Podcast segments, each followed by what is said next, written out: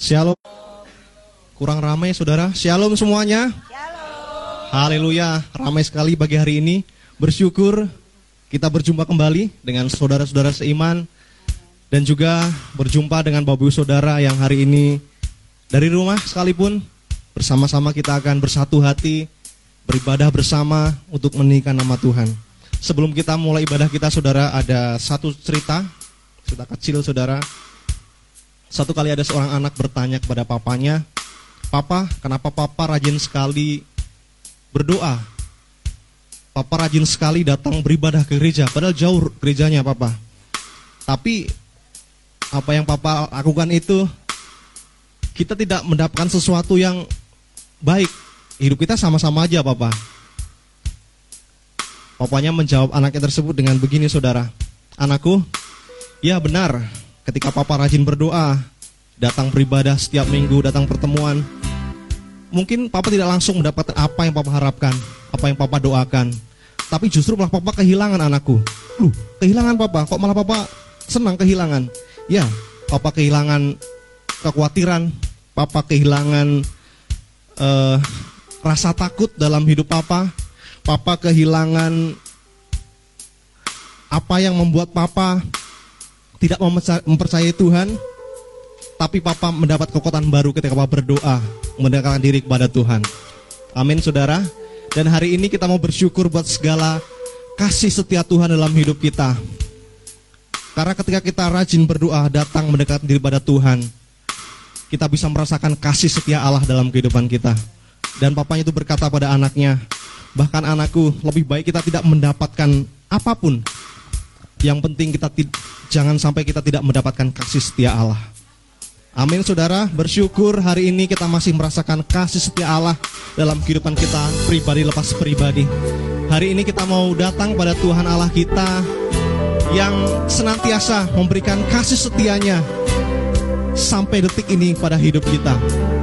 Dan ia berjanji senantiasa setia kepada hidup kita di hari-hari ke depan. Biarlah hidup kita menyadari dan terus menaikkan syukur kita kepada Tuhan Allah kita. Hari ini Tuhan kami bersyukur, kami menyanyikan dari, dari kedalaman hati kami tentang kasih setiamu dalam kehidupan kami. Engkau Allah yang setia, Engkau Allah yang setia, dan Engkau Allah yang setia. Terima kasih Bapak, terima kasih. Mari jemaat Tuhan, kita nyanyikan pujian kita. Kita bawa segenap kerinduan kita kepadanya.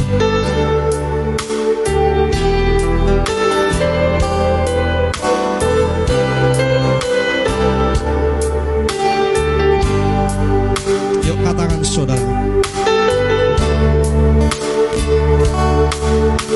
Ya Allah engkau kerinduanku Selalu ku cari wajahmu Tuhan Seperti tanah yang kering Rindukan air Demikianlah jiwaku rindu engkau.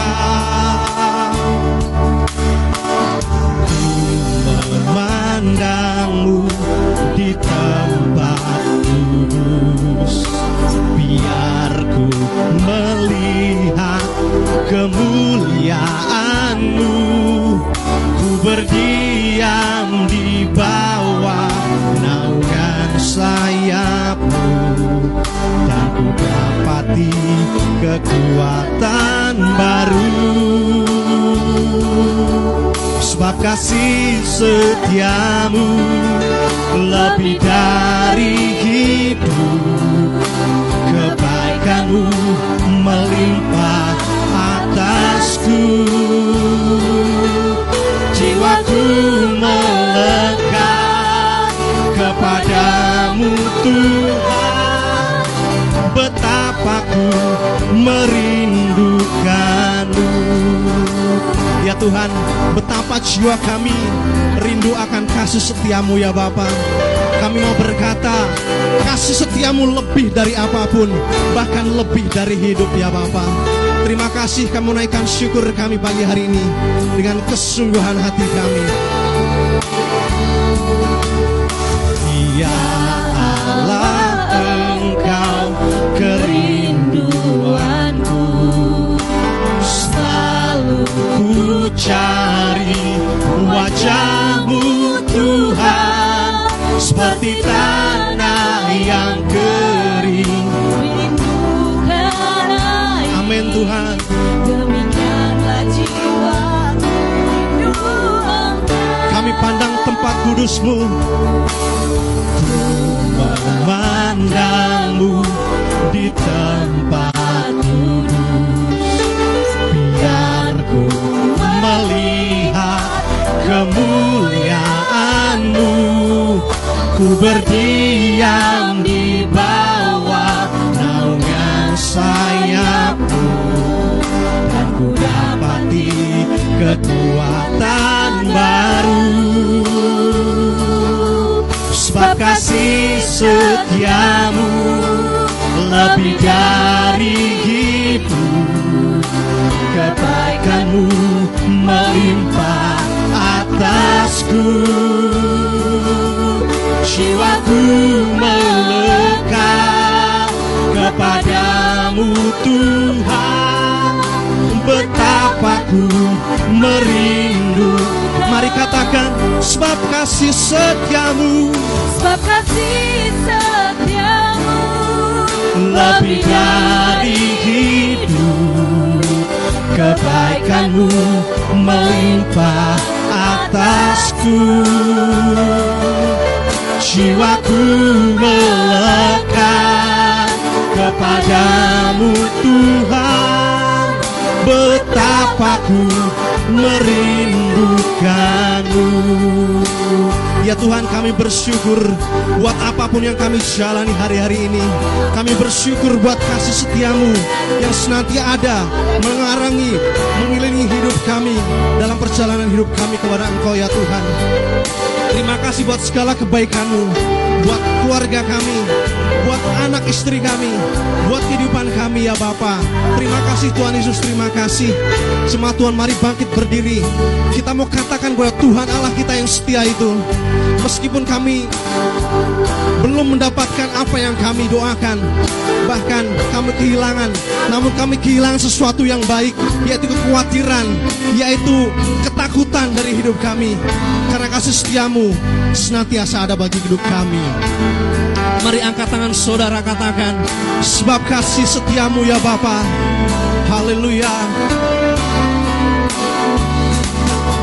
Sebab kasih setiamu lebih dari hidup. Kebaikanmu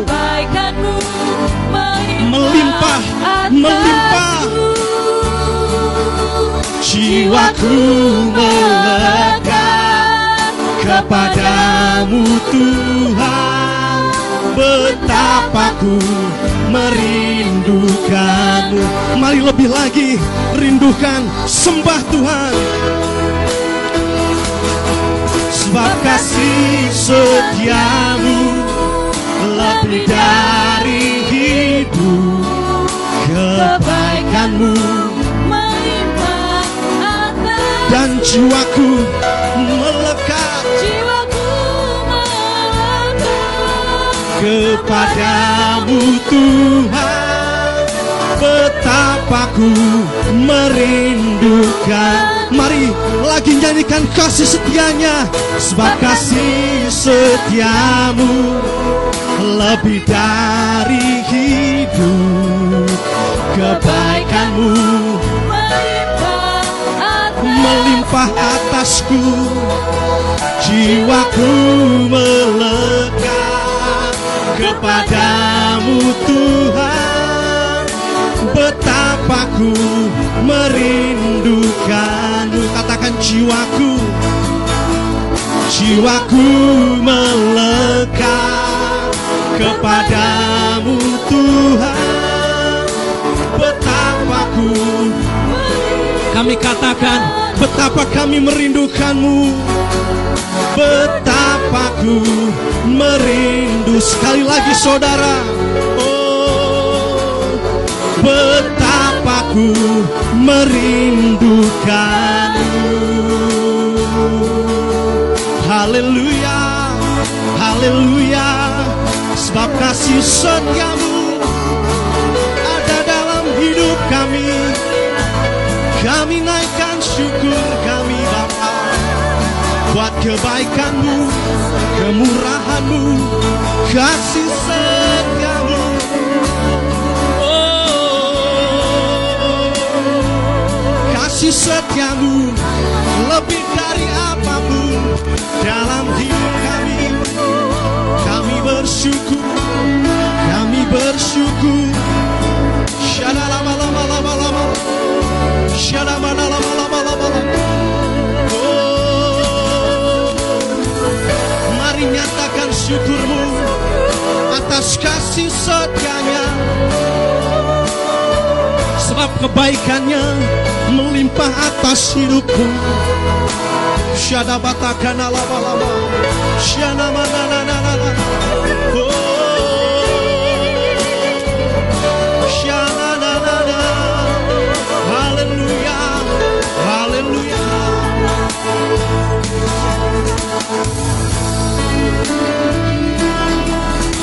kasih setiamu lebih dari hidup. Kebaikanmu melimpah kami angkat tangan kami menyatakan jiwaku kepadamu Tuhan. Betapa ku mari jemaat nyanyikan kasih setia Allah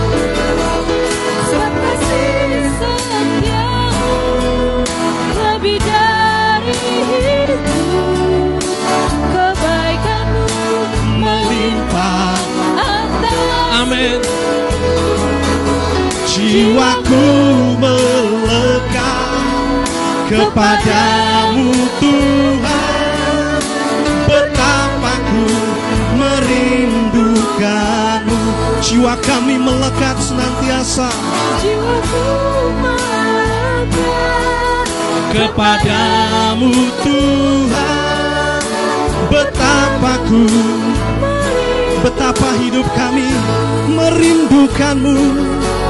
Betapa ku merindu. Kami katakan lagi. Betapa ku merindukanmu. Berikan sorak-sorai tepuk tangan yang terbaik. Buat kasih setianya buat kebaikannya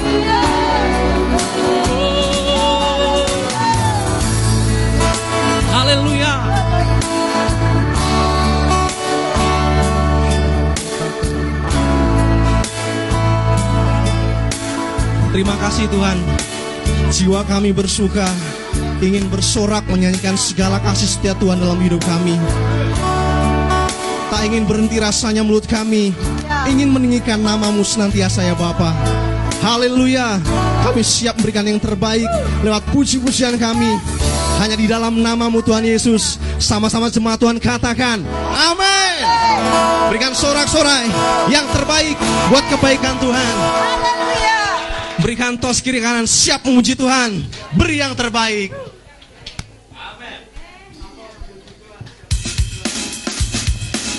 Tetap berdiri saudara. Kita mau beri yang terbaik sebab Tuhan Allah kita bertata di setiap pujian yang kita naikkan. Haleluya.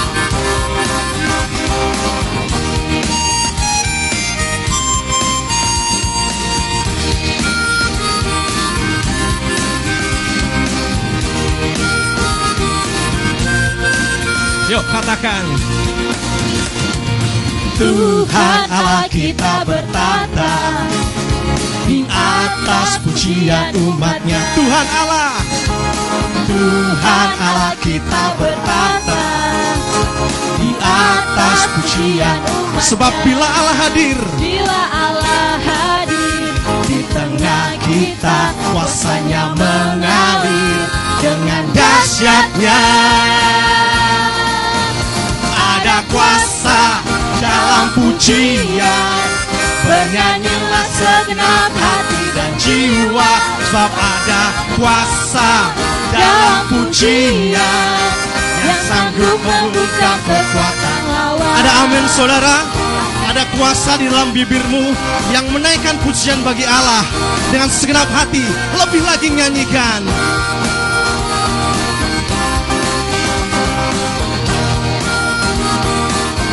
Perempuan dulu. Nyanyikan.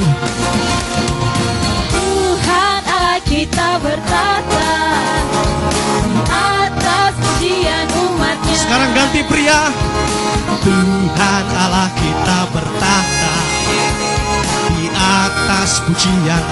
Bersama-sama. Bila Allah hadir di tengah kita, kuasanya mengalir dahsyatnya. Katakan, ada kuasa dalam pujian. Bernyanyilah segenap hati dan jiwa. Sebab ada kuasa dalam pujian. Yang sanggup Lagi katakan Ada kuasa. Ada kuasa dalam pujian Bernyanyilah segenap hati dan jiwa Sebab ada kuasa dalam pujian Yang sanggup membuka kekuatan lawan Saudara, saya mau bersaksi sedikit. Ada cerita dari gereja di Lampung, di gereja papa mertua saya, saudara. Ada satu kesaksian dari tetangga sekitar. Tetangga ini adalah orang Muslim. Ketika ada eh, satu perkumpulan atau kalau di sana ada eh, rewang, rewang itu ada satu hajat dan tetangga pada berkumpul. Suatu ketika ada bapak-bapak menyamperi eh, datengin salah satu penatua di gereja papa mertua saya ini dan berkata dengan serius dengan kata-kata yang antusias dia berkata, "Bapak, tadi malam sekitar tengah malam saya melihat di atas gereja Bapak ada satu sinar yang sangat terang dan saya melihat banyak sekali eh, seperti orang berpakaian baju putih mengelilingi satu eh, sinar tersebut.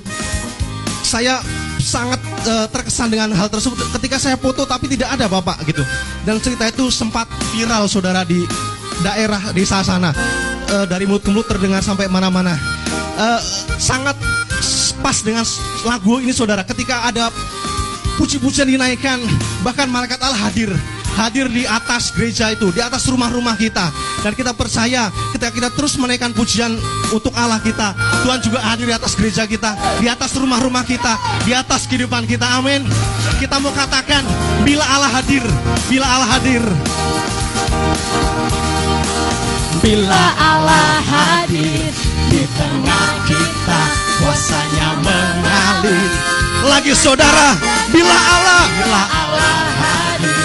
Di tengah kita kuasanya mengalir. Dengan dahsyatnya. Ada kuasa dalam pujian. Bernyanyilah segenap hati dan jiwa. Sebab ada kuasa dalam pujian yang sanggup membungkam lebih lagi saudara ada kuasa dalam pujian. Bernyanyilah segenap hati dan jiwa. Sebab sebab ada kuasa dalam pujian yang sanggup membuka lebih lagi katakan ada dalam pujian bernyanyilah segenap hati dan jiwa. Sebab ada kuasa dalam pujian. Yang sanggup membuka kekuatan. Yang sanggup yang sanggup membungkam kekuatan. Lagi saudara katakan yang sanggup membungkam kekuatan lawan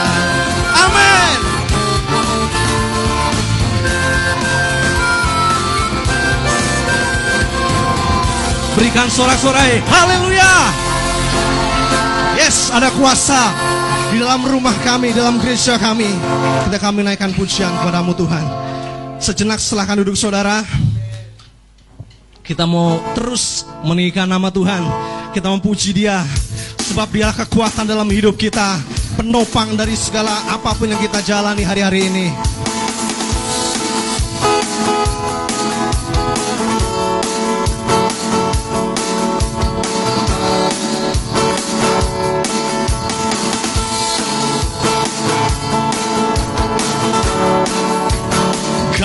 Kekuatanku penopang hidupku Panji keselamatan. Kau buktikan kasih setiamu Benteng hidupku. Tak akan ku takut Sebab ku tahu kau berserta sertaku Yesus Lagi saudara katakan kekuatanku Penopang hidupku Panji Keselamatan. Kau buktikan kasih setiamu Benteng hidupku. Tak akan ku takut Sebab ku tahu kau besertaku Yesus jaminan hidupku. Katakan amin Buat Yesus yang menjadi jaminan atas hidupku dan hidupmu. Haleluya. Kamu katakan Berjalan bersamamu Tak akan gentar kami. Haleluya. Berjalan bersamamu. Tak akan ku Sebab ada tangan Tuhan. Tanganmu menopangku. Jalani kehidupan. Dia yang mengangkat hidupmu. Dia mengangkatku Ke atas gunung batu. Kau beri Bangkit berdiri kembali saudara. Katakan kekuatanku Penopang hidupku Panji keselamatan. Membuktikan kasih setiamu Benteng hidupku. Tak akan ku takut Tak ku tahu kau besertaku Yesus jaminan hidupku Bertepuk tangan saudara. Kami mau katakan berjalan bersamamu Tak akan ku gentar Berjalan bersamamu. Amin. Tak akan ku gentar Sebab ada tanganmu Tuhan. Tanganmu menopangku Jalani kehidupan. Angkat tanganmu dengan penuh keyakinan. Ke atas gunung batu. Kau beriku kemenangan. Kau kekuatanku Penopang hidupku keselamatan Kau buktikan kasih setiamu Benteng hidupku.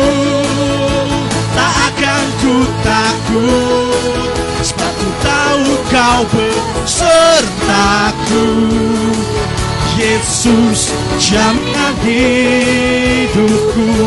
Kami bertepuk tangan. Tanda kami percaya kepada Tuhan akan mengangkat hidup kami Ke atas gunung batu Mengalami kemenangan Demi kemenangan bersama Tuhan. Haleluya.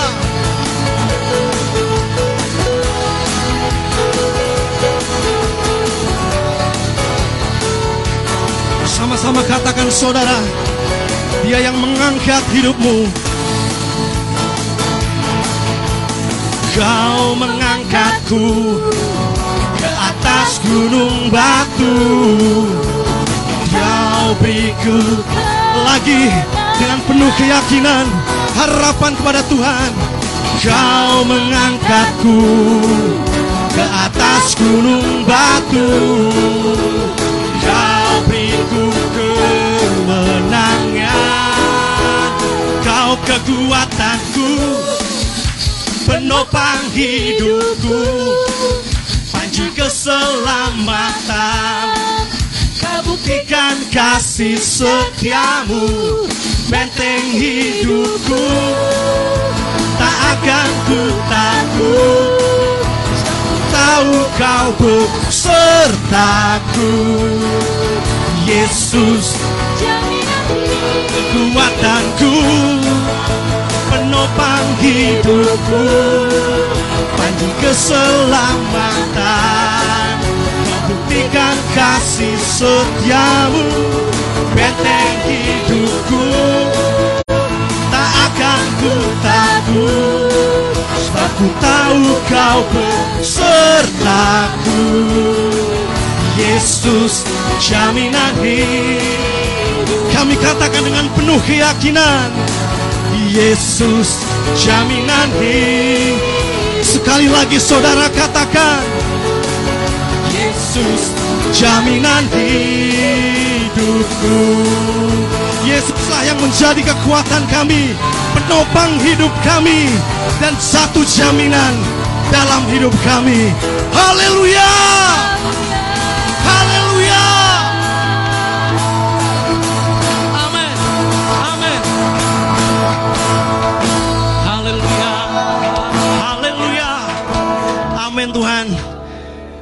kekuatan hidup kami Yang menopang kami senantiasa Dan satu jaminan Dalam kehidupan kami. Amin. Lebih lagi kami mau masuk hadiratmu ya Tuhan. Terus lagi kami mau mencari wajah Tuhan. Biar hidup kami makin dikuatkan Bahwa sampai hari ini Tuhan masih mengadakan mujizat dalam kehidupan kami. Haleluya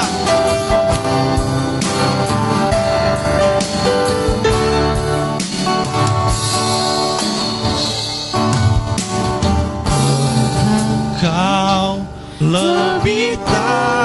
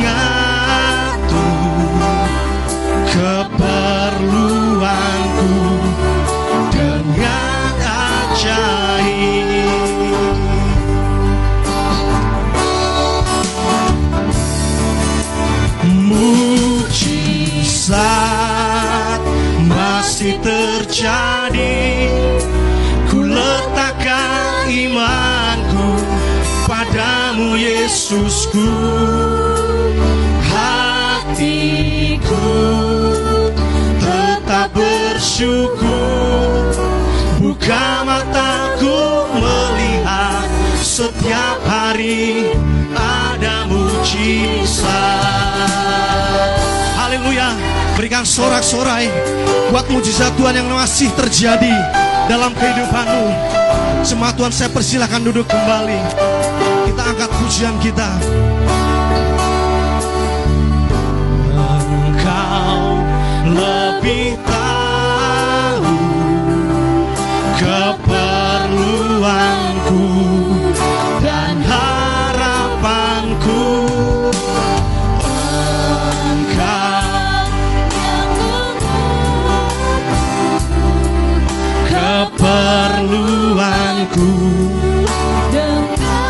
Lagi saudara katakan dari awal Engkau Tuhan. Engkau lebih tahu Keperluanku Dan harapanku. Engkau yang mengatur keperluanku dengan ajaib mujizat masih terjadi. Ku letakkan imanku padamu Yesusku. Hatiku tetap bersyukur buka mataku melihat setiap hari ada mujizat. Mujizat masih terjadi. Letakkan imanku padamu Yesusku. Hatiku tetap bersyukur buka mataku melihat setiap hari ada mujizat Saudara, apa pun yang kau alami, apa pun yang kau gumulkan hari-hari ini, untuk segala kebutuhanmu, keperluanmu, keperluan anak-anakmu, sekolah, kuliah, apa pun itu saudara, letakkan pengharapanmu kepada Tuhan Yesusmu. Dan dia berjanji, ketika kita percaya, ketika kita meletakkan segala kepercayaan kita, pengharapan kita di atas nama Tuhan Yesus, ada mujizat yang ia kerjakan bagi setiap hidup kita. Hari ini Tuhan, kami angkat tangan kami, kami serahkan segala keperluan kebutuhan kami, bahkan pergumulan kami, hanya di dalam nama Tuhan Yesus yang ajaib, yang senantiasa tersedia mujizatnya bagi kehidupan kami. Kami mau percaya sepenuhnya di dalam namamu Tuhan. Mari jemaat Tuhan bangkit berdiri. Kita angkat pujian kita bahwa mujizat Tuhan masih terjadi.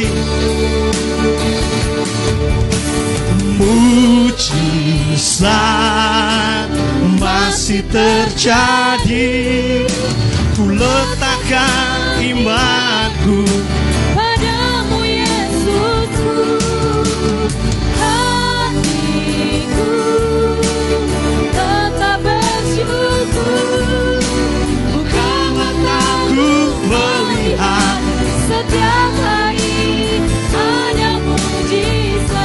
Lebih lagi kami mau percaya. Oh. Mujizat masih terjadi. Ku letakkan imanku Padamu Yesusku. Hatiku tetap bersyukur setiap hari ada mujizat. Buka mata kami, buka mataku, bawa mata kami, bawa hidup kami.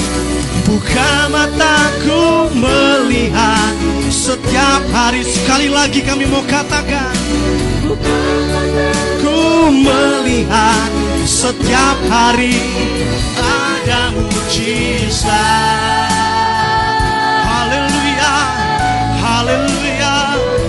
Kami alami, kami alami keajaiban Tuhan terjadi dalam hidup kami. Oh, Engkau Tuhan yang ajaib mujizatmu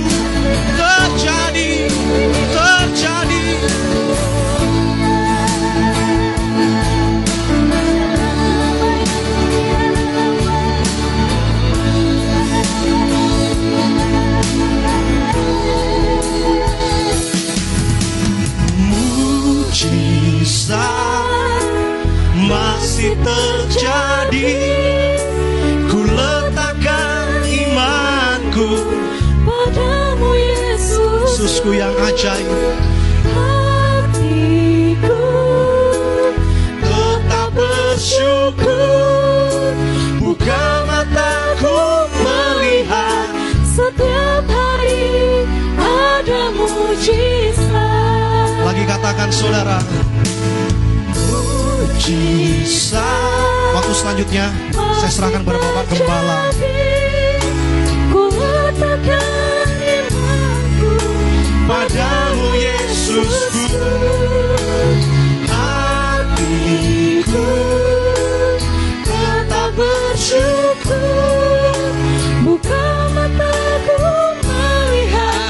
Setiap hari ada mujizat Katakan buka mataku. Buka mataku melihat Setiap hari kepadamu mujizat Ayo sembah dia, sembah dia dengan segenap hatimu. Ia mataku. Ia mata mama mama mama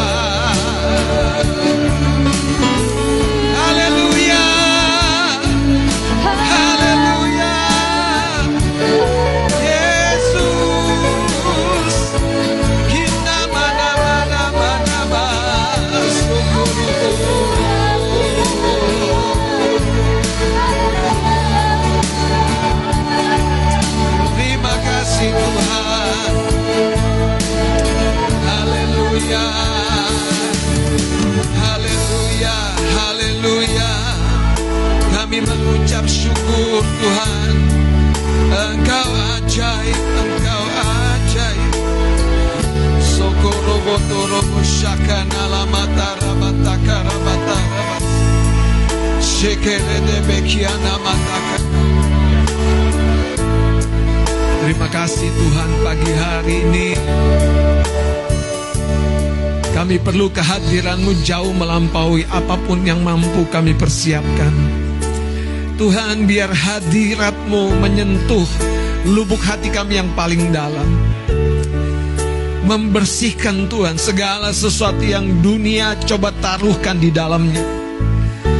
Bersihkan kami dari ego, dari kemarahan, dari kekecewaan, dari kekhawatiran, dari perasaan kecil dan tertolak.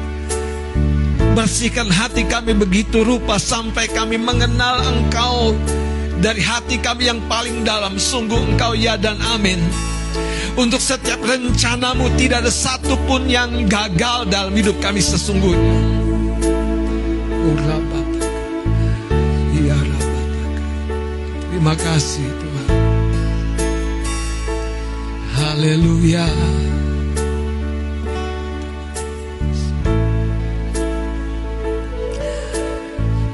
Betapa seringnya rencana Tuhan terhalangi bukan karena dia tidak mampu mengerjakannya, dia tidak sanggup menyelesaikannya apa yang sudah dia mulai. Bukan karena dia kehilangan jalan dan kehilangan cara. Tapi hati kita sudah menjadi kecup dan tawar hati. Pagi hari ini Tuhan mengerti. Mungkin engkau seperti sudah terlalu begitu lelah berjuang. Letih menaruh harapmu kepada Tuhan. Biarlah hadirat Tuhan, kasih Allah, kasih Yesus Kristus Tuhan yang sudah mengorbankan semuanya dengan darahnya dia berkata hari ini engkau telah aku angkat dari semua yang membuat hidupmu tidak layak dan tidak berkenan di hadapan Bapa. Engkau dengar kembali bahwa engkau dikasihi. Engkau sangat-sangat dikasihi dan engkau tidak pernah lagi berjuang sendirian. Itu sebabnya mari izinkan Tuhan pagi hari ini mendidik hati kita. Izinkan Tuhan mendidik hati kita. Sehingga ketika hati kita berjalan seirama dengan Tuhan, kita akan melihat dan mengalami Dia yang tidak pernah berdusta dengan firman dan perkataannya. Dia yang bekerja sekalipun kita tidak melihatnya. Dia yang selalu ada sekalipun kita tidak merasakannya. Dia akan memunculkan kebenaranmu. Dia akan memunculkan semua jatah kehidupanmu sebagai anaknya. Mengerjakan dan menggenapi semua yang terbaik yang memang dia rencanakan. Pagi hari ini, jangan menjadi tawar hati. Jangan menjadi sebegitu lelahnya engkau berharap dan berjuang. Teguhkan hatimu. Masing-masing di tempatmu. Luangkan waktu satu dua menit berdoa supaya kau menjadi teguh lagi. Berdoa juga untuk orang-orang yang kau tahu hari ini sedang berharap kepada Tuhan. Biar kasih Tuhan meneguhkan, menguatkan, membangkitkan, memulihkan kembali. Mari kita berdoa. Sebelum firman lalu ditabur, mari masing-masing berdoa di tempatmu, di mana pun kau berada, di rumahmu, di perjalananmu. Sakanalabatakurobo Rikata de kaza sakanalaba Hirato koma baba karia sakana Rate kenene mete kiana la baba bakayata Risakata korobosate nai.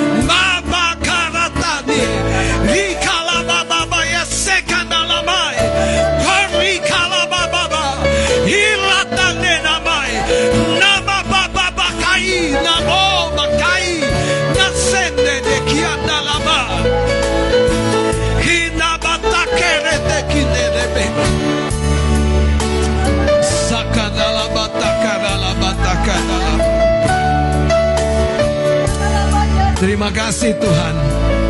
Terima kasih. Haleluya. Haleluya. Haleluya. Di mana pun kami berada, curahkan roh hikmat wahyu pengertian. Karena ketika kami mengerti rencanamu, mengerti kehendakmu, kami kembali Tuhan di dalam jalan-jalanmu itu. Dan kami kembali di posisi yang seharusnya kami berada. Hati kami perlu sentuhan kasihmu.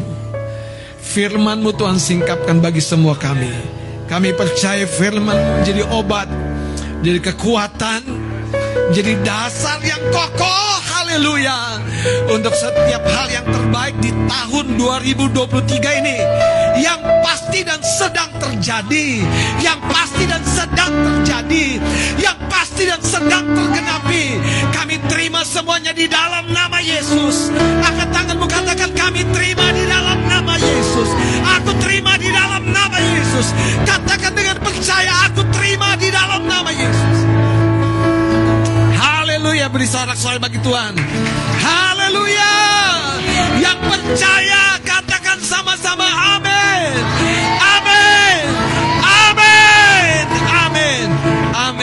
Haleluya. Beri tos kanan kirimu katakan pasti dan sedang terjadi. Puji Tuhan, puji Tuhan. Haleluya. Silakan duduk Bapak Saudara yang dikasih oleh Tuhan. Pagi hari ini ada satu pesan yang saya percaya sangat penting sekali bagi kita di tahun 2023 ini. Dan saudara, sebuah pesan yang Tuhan sampaikan dari hatinya, itu akan menjadi sekali lagi seperti khotbah pada minggu yang lalu, guideline. Di sisi yang lain, itu akan menjadi guideline. Kalau Anda memperhatikan pesan yang disampaikan dan mulai saudara menjalaninya, melangkah dengan segala kekuatan Anda sambil terus bersandar kepada Tuhan, tidak ada yang tidak mungkin, pasti terjadi dan sedang terjadi. Seberapa hancur dan terpuruknya pun hidup kita, Tuhan mampu membackup kita kembali di posisi kita yang terbaik. Dia tidak pernah kehabisan jalan, dia tidak pernah kehilangan cara. Katakan amin. Dan Tuhan kita bukan Tuhan yang cepat-cepat capek ngurusin kita. Tuhan kita bukan Tuhan yang tiba-tiba saudara kehilangan apa namanya nafas. Kalau seperti seorang pelari maraton. ya nggak nyampe deh, nggak nyampe garis finish. Ya nggak nyampe, nggak Tuhan kita, Tuhan yang kuat. Katakan amin. Karena itu dia tidak kehabisan jalan untuk kembali saudara menyertai kita, menguatkan kita. Wow, saudara saya percaya ini pesan yang kiranya membuka mata rohani kita. Kalau dia siap membawa kita, pertanyaannya apakah engkau siap di bawah Tuhan?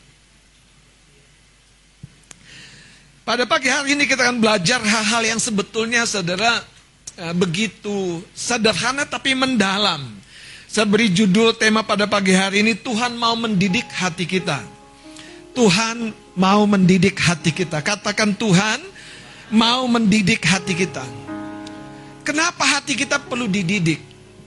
Karena saudara, sejak kita dilahirkan, kita telah mewarisi karakteristik-karakteristik dari orang tua lahiriah kita yang secara daging dari budaya di mana kita ada, suku apa Anda, dari lingkungan di mana Anda tinggal, Anda mau tidak mau mewarisi semuanya itu. Nah, celakanya ketika yang diwarisi adalah karakter-karakter yang lemah. Anda jadi orang yang mudah putus asa, mudah apa namanya hopeless. Satu dua langkah nggak bisa, dorong pintu agak berat, terkunci, padahal butuh tenaga ekstra lihat tidak penjaganya, ya rasanya kita nggak nggak boleh masuk situ, saudara. Pikiranku kita sudah terblok dari kita lahir, tumbuh sampai kita masuk dunia produktif, bekerja, berumah tangga, dan di situ masalahnya setan baru manifest, baru manifest. Anda fail terus. Pada Tuhan rencanakan Anda jadi jutawan. Anda jadi jutawan kenapa? Karena modalnya kemurahan Tuhan. Kasih sayang Tuhan. Anda jadi orang yang terkenal bukan untuk Anda jadi terkenal, tapi supaya Tuhan mau hidupmu terkenal. Siapa pun Anda, seorang musisi,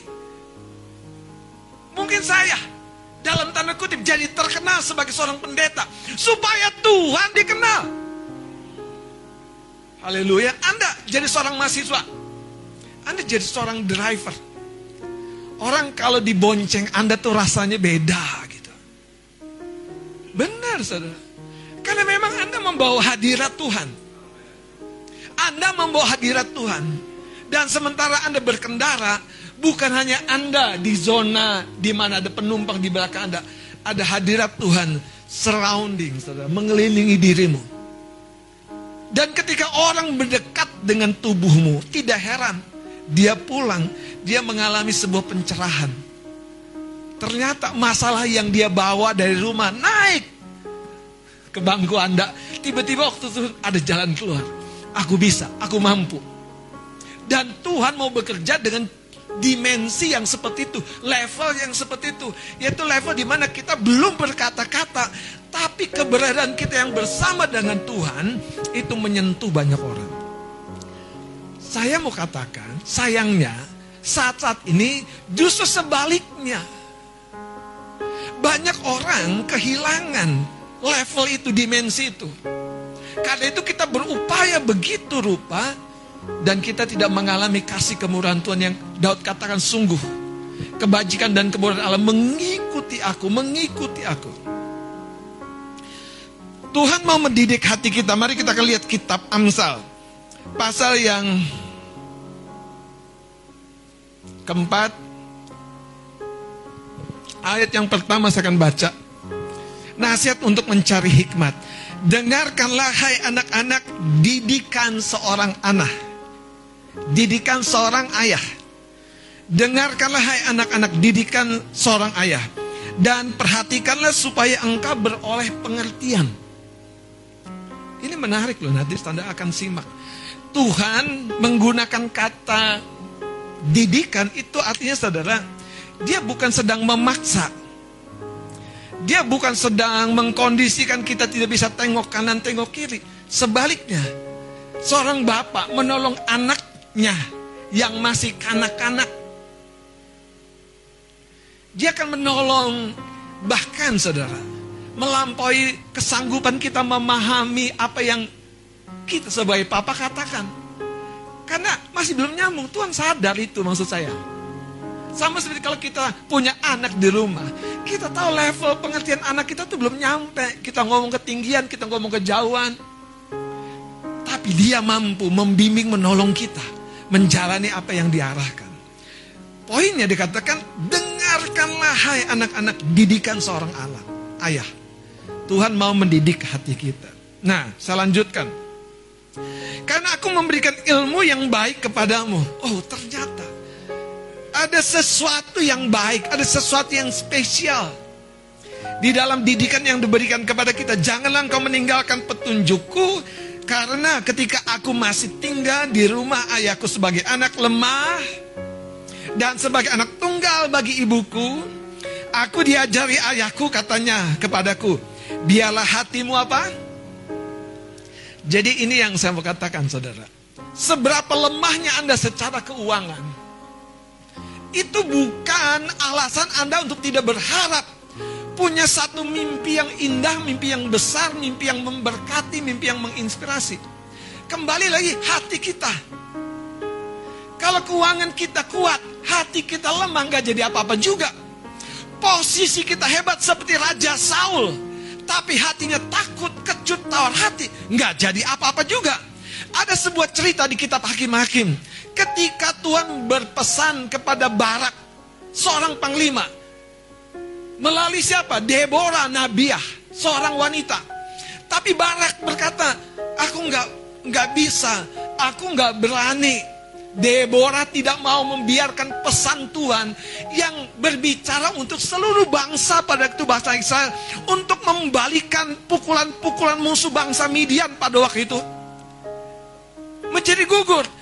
Deborah berkata baik, kalau engkau tidak bersedia, aku yang akan di depan. Dan Alkitab mencatat Deborah bukan hanya menjadi nabiah, menjadi juru bicara Tuhan, tapi menjadi panglima memposisikan dirinya. Kenapa Deborah bisa seperti itu? Kenapa sebaliknya orang yang punya posisi justru meninggalkan posisinya? Hati kita menentukan. Makanya sekali hati kita dididik oleh lingkungan kita yang lemah, yang apa-apa nunggu nanti, nanti pak, nanti om, nanti, nanti semuanya delay. Semuanya nanti dan nanti dan nanti dan nanti. Tidak heran orang begini ujungnya saudara. Akan dimanfaatkan oleh keadaan situasi dan setan bekerja di dalamnya untuk apa? Membuat Anda tidak masuk di dalam waktu-waktu Tuhan. Delay terus. Delay terus. Kalau Anda dibentuk, dididik jadi seorang yang baru saudara berjalan satu dua langkah.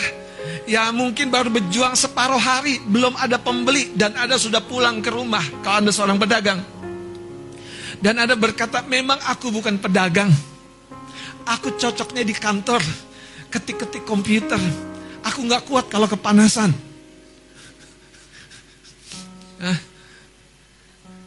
Tanya sama Among tuh. Kerja kepanasan juga. kerja di depan laptop juga. Kerja di mana-mana. Kenapa tidak? Kenapa tidak? Kenapa tidak? Sekarang pertanyaannya kita. Jangan orang lain, kita. Kita ini kenapa hanya jadi kita yang sekarang? Ada sesuatu yang di dalam ini yang dididik oleh dunia yang akhirnya membentuk sebuah keterbatasan di dalam hati kita yang muncul di pikiran kita. Tiap kali ada peluang, aduh kayaknya nanti deh. Tiap kali ada kesempatan, aduh nanti deh. Dari mana itu muncul? Dari hati. Yesus sendiri berkata begini. Dari mana pikiran pencurian, percabulan, kejahatan itu muncul? Dari mana? Dari dalam hati. Muncul di mana? Maka dia bilang dari mana pikiran. Nah Anda harus perhatikan. Tidak semua pikiran-pikiran kalah itu, pikiran-pikiran kecil itu, pikiran-pikiran downgrade itu datang dari luar. Tapi kadang-kadang dari dalam hati yang sudah diimplan, ditanam oleh lingkungan, oleh budaya, oleh obrolan. Dan ujungnya kita nggak ke mana-mana. Ada orang kerja sekian lama di satu perusahaan seperti saya 9 tahun. Maaf, saya bukan gak jadi apa-apa. Tapi pertanyaan kalau saya boleh diizinkan mengulang story itu, saya tidak akan jadi 9 tahun di situ. Jujur, saudara. Jujur. 17 tahun. Haleluya. Simpelnya aja, simpelnya aja. Anda pindah ke satu perusahaan, Anda mengalami level up dong dalam salary. Anda pindah lagi, naik lagi dong. Nah kalau di satu tempat saja, perusahaan juga ngambil ya udah nggak usah tinggi dia. Kamu orang yang setia kok. Kamu orang yang baik. Kamu orang yang penyabar diomelin sabar. Dikerjain teman sabar. Makanya saudara kita harus ngikut Tuhan jangan ngikutin perasaan. Apalagi perasaan baper. Habis aku mau ke mana lagi lo nanyanya tuh ke mana tuh nanya, ngomong itu nanya ke mana Jangan nanya pada waktu Anda lagi galau, lagi tawar hati. Lihat siapa Anda di dalam gambar Tuhan. Sekali lagi saudara, faktornya itu dari hati. Makanya Tuhan mau mendidik hati kita. Kalau Anda sedang dididik hatimu jadi seorang warrior. Anda nggak nggak nggak bisa saudara bergulat. Anda nggak bisa apa namanya jurus akido. Tapi hatimu itu saudara itu mengekspresikan keberanian yang belum pernah Anda miliki. Itulah Daud. Anda seorang apa namanya administrator. Hati Anda sedang diri jadi pedagang. Respon Anda lihat orang cuan cuan. Cuan nih, cuan, money. Anda bukan bilang lagi time is money. Wah, ada dolar di wajahnya. Bayangkan, saudara. Anda mainnya dalam negeri, tiba-tiba hati Anda sedang dididik Tuhan jadi orang yang mainnya luar negeri. Importir, eksportir. Kenapa tidak? Ada orang sudah didik jadi apa? Jadi PA, jadi sekretaris. Tapi Anda sedang didik jadi apa sekarang? Manajer. Pertanyaannya Anda mau nggak? Anda bersedia nggak keluar dari kotak yang sama itu? Anda bersedia nggak dibenturkan lagi oleh Tuhan dengan ketidaknyamanan-ketidaknyamanan? Anda bersedia nggak memasuki satu langkah yang baru? Buat setting goal Anda. Jangan yang biasa yang sudah Anda kejar-kejar selama ini. Makanya Daud waktu dia diutus oleh papanya mengantarkan makanan ke abang-abang yang di medan peperangan, dia lihat peperangan hatinya berdeduk berdetak. Wow, wow, wow, amazing, amazing. Kadang-kadang saudara Tuhan tuh ingin membangkitkan sebuah kecemburuan ilahi dalam hidup kita. Itu yang terjadi dengan Hana. Waktu lihat Penina, itu dia mulai bangkit di sini, saudara. Tuhan, Gak mungkin engkau tidak dengar doa. Tapi masalahnya kembali ke hati. Selama ini hati Hana sudah terkondisikan. Suaminya baik gak baik banget saudara. Bukankah aku lebih berharga dari 10 anak laki-laki? Udahlah nih, tenang nih. Di rumah enak nih berduaan terus, pacaran terus. Tapi Hana hari itu Tuhan izinkan benturan-benturan baru.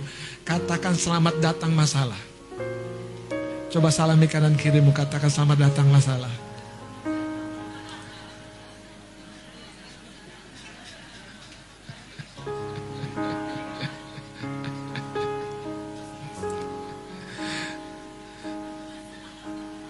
Saudara, masalah itu sebuah pembelajaran. Tapi kalau Anda membiarkan diri Anda terkunci, ya udah di level itu. Mari kita lihat beberapa ayat yang menarik. Kita starting dari ayat ini, ayat 4. Aku diajari ayahku katanya kepadaku, biarlah hatimu memegang perkataanku. Tuhan mau seperti seorang ayah yang sedang mendidik hati kita, hati kita, hati kita. Karena hati kita akan melahirkan perangai. Hati kita akan melahirkan saudara zil, api, api semangat, api gelora saudara. Pertanyaannya apakah kita bersedia? Mari kita lihat beberapa contoh. Kenapa Tuhan perlu mendidik hati kita? Sekali lagi Yesus berkata dari hati muncul pikiran-pikiran jahat. Dari hati muncul. Nah kalau sudah muncul yang jahat itu, itu artinya apa? Ada sesuatu yang sudah duluan mendidik kita pada jalan yang jahat. Kalau dari hati muncul pikiran ketakutan, ada sesuatu yang sudah membentuk mendidik hati kita. Kita selalu berpikir resiko itu lebih dalam daripada kemungkinan, peluang. Memikirkan resiko tuh berulang-ulang, tapi memikirkan peluang ya satu dua kali cukup. Gak mungkin deh, gak mungkin. Bukan di situ. Ujungnya apa? Orang lain berhasil, kita mulai cemburu, kita bingung. Pada Tuhan sudah mulai duluan dan diri kita, tapi bedanya apa? Kita terbangun di sebuah lingkungan budaya yang lemah. Pak Jokowi bilang begini loh. Sampai di sebuah apa namanya panggung dia bilang hari raya Imlek orang Tionghoa tuh memang lebih pinter dagang. Pak Jokowi sampai bilang begitu dan kita akui. Saudara, itu di mana letaknya? Dan kalau kita telusuri itu bukan karena mereka tuh uh, punya engkong-engkong leluhur mereka master-master bukan saudara. Tapi karena itu terbangun sebuah kehidupan, sebuah pola dalam rumah tangga, dalam kehidupan saudara. Dan itu diwariskan, diturunkan. Kami jalan-jalan ke pasar modern, cari tukang bakmi. Dan makan bakmi di tempat yang geriukan saudara. Karena namanya pasar.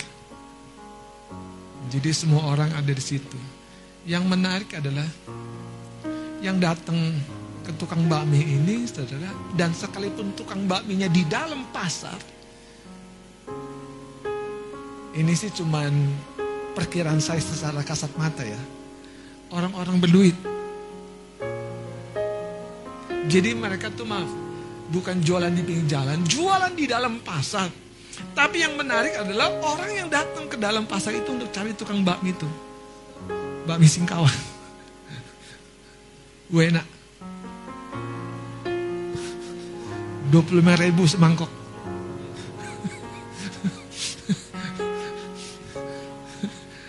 Enak banget saudara.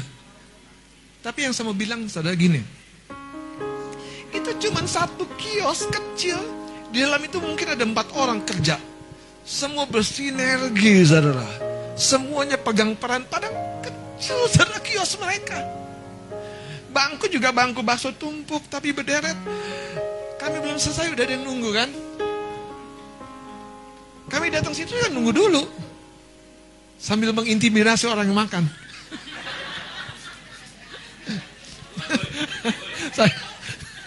Sambil mengintimidasi. Dan saya lihat si engkong itu saudara. Gak banyak cakap. Gak banyak cakap. Ada tiga orang, empat orang di dalam itu ruang sempit itu. Satu yang. Wow.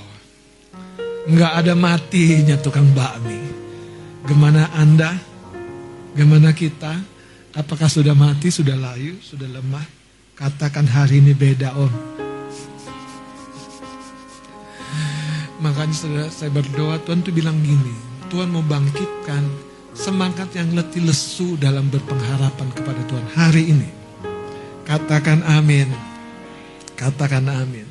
Kenapa Tuhan perlu mendidik hati kita? Coba lihat saudara Amsal 24 ayat 10. Mari kita bangkit berdiri. Ayo bapak-bapak dulu baca ayat ini. Amsal 24 ayat 10 bapak-bapak. Sudah ketemu Amsal 24 ayat 10? Kita baca 2 3. Jika engkau tawar hati pada masa kesesakan, kecilah kekuatan. Sekarang wanita-wanita baca 2 3.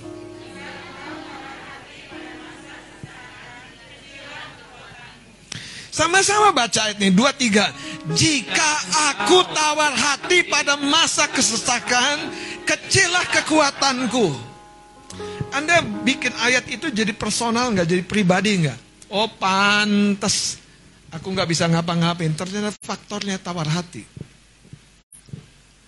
Oh pantas aku nggak ada peluang terus sepertinya, nggak ada kesempatan dan lain-lainnya. Kenapa kita perlu menolak tawar hati, tetap berpengharapan, menolak jadi kecil hati, tetap berpengharapan. Karena iman, harap dan kasih itu instrumen yang yang paling spiritual yang selalu coba dicuri oleh setan dari hati kita, Saudara. Kalau kita kehilangan iman, pengharapan dan kasih tidak heran. Dunia itu seperti abu-abu semua. Orang nggak peduli. Orang nggak tahu masalahku. Lah, Emang kamu viralkan masalahmu di mana? Kalau orang nggak tahu masalahmu, itu justru baik. Yang penting Tuhan tahu dan peduli masalahmu. Dan ada mungkin bilang, Pak Pendeta juga nggak tahu. Anda nggak berani terbuka. Gue sama saya, sama pemimpin lain di tempat ini. Kalau mau terbuka ya gampang. Kalau saya ngajak ngopi, kalau kakak ngajak ngeteh, selesai. Hidup tuh kadang-kadang di bawah susah. Saudara, saya kasih tahu ya. Selevel Raja Daud itu punya Nabi Samuel, Nabi Nathan. Selevel Raja Daud tuh yang menulis kitab Mazmur itu tuh. Yang hatinya deket banget sama Tuhan. Punya Nabi, bukan bukan hanya Nathan, Samuel, Samuel, Nabi Nathan, Nabi Gad. Itu sengaja membangun hubungan dengan sengaja dan tidak heran. Dia pernah jatuh pernah, tapi bangkitnya nggak ketulungan. Dia tetap memasuki masa keemasan hidupnya. Hatinya diizinkan kembali dididik oleh Tuhan. Silakan duduk. Mari kita akan lihat saudara Alkitab berkata jika engkau tawar hati. Jadi masalahnya bukan di pengetahuan. Bukan berarti tidak belajar, bukan. Bukan berarti tidak mau hubung, bukan. Tapi hal yang pertama-tama, mau Anda miskin, Anda kaya, Anda berpendidikan atau tidak berpendidikan, jangan tawar hati. Setan tuh demen saudara sama orang yang tawar hati. Paling demen saudara. Makanya sekali Anda tawar hati, apalagi malam, wah habis. saudara. Kenapa saya bilang habis? Karena malam tuh paling enak mengelamun, paling enak merenung, saudara. Pagi udah banyak kerjaan, nggak sempet ngelamun. Tapi kalau malam, wah, haleluya, muncul semua. Saudara ada sebuah cerita yang menarik yang disampaikan oleh Ibu In Cipto tentang seorang pribadi, seorang anak. Anak ini diambil menjadi bagian sebuah keluarga dan ada sebuah pesan Tuhan bahwa anak ini akan menjadi hamba Tuhan yang luar biasa dipakai Tuhan. Keluarga ini punya anak lain-lain. Dan dia menjadi adik di keluarga ini dari seorang uh, uh, yang sudah duluan jadi putranya. Dua orang putra dalam satu keluarga. Yang satu anak dari kandungannya ibu ini dan yang satu diangkat saudara. Tapi ada pesan Tuhan dia jadi seorang hamba Tuhan. Singkat cerita saudara, melewati waktu, anak yang satu ini harus dimasukkan ke asrama. Dan waktu dia masuk asrama, dia mulai berpikir, oh ternyata memang betul aku tidak dianggap diterima sebagai anak sendiri. Makanya aku dipisahkan dari keluargaku. Abangku, enak dia kuliahnya sendirian, bebas bisa ke mana. Aku harus di asrama. Tumbuh besar, yang satu ini berpikir lagi, kakaknya boleh bekerja sekalipun masih kuliah. Aku nggak boleh kerja. Aku harus bertekun dalam pelajaranku. Sampai satu ketika, saudara, si anak ini yang merasa dirinya dianaktirikan. Anda ngerti ya? Dianaktirikan. Memasuki sekolah tentara. Sekian tahun luluslah dia. Dan kali pertama dia diizinkan memegang senjatanya secara sah. Dia pulang, dia bawa senjatanya. Dia mencari orang tuanya dengan penuh kebencian dia tembak mati. Saudara. Ini bukan cerita kosong. Nah apa yang mau saya ceritakan? Setan mencap hati si anak ini dengan sebuah pikiran yang turun ke dalam hati begitu rupa. Aku memang anak tiri. Nah itu terjadi waktu dia tahu dia hanya anak yang diadopsi dan tiba-tiba setan memakai itu sebagai sebuah cap. Memang kamu anak tidak beruntung, anak tidak diinginkan. Saudara Alkitab dalam kitab Timotius, roh dengan tegas berpesan. Pada hari-hari terakhir akan ada orang yang begitu rupa mengikuti roh penyesat. Kenapa? Karena hati mereka memakai cap. Anda tahu cap itu apa? Itu bukan cap 66, Ternyata cap itu kekecewaan. Orang kalau udah kecewa, konflik, patah, marah, kesal, itu hati kita tuh kita tidak tahu itu seperti dicap besi panas. Langsung melekat dalam banget. Kalau kecewa dengan hubungan pertemanan, hubungan rumah tangga, hubungan keluarga dengan orang tua, kekecewaan itu bisa menjadi tempat di mana roh kemarahan, keputusasaan, kebencian, kepahitan tumbuh berkembang begitu rupa. Makanya hati sebaliknya. Kalau ada orang merasa diterima, merasa dikasih ya, Mas Kristian. Sekalipun dia udah gagal lagi dan gagal lagi dan gagal lagi dikasih, diterima. Tidak dituntut sukses, tidak dituntut hebat, diterima dulu. Itu seperti hari ini. Tuhan sedang mendidik kembali. Makanya tidak pernah orang bisa dididik, diarahkan, ditertibkan. Sebelum hatinya tuh ditenangkan. Kayak bahasa Alkitab tuh kita mampu menenangkan hati kita.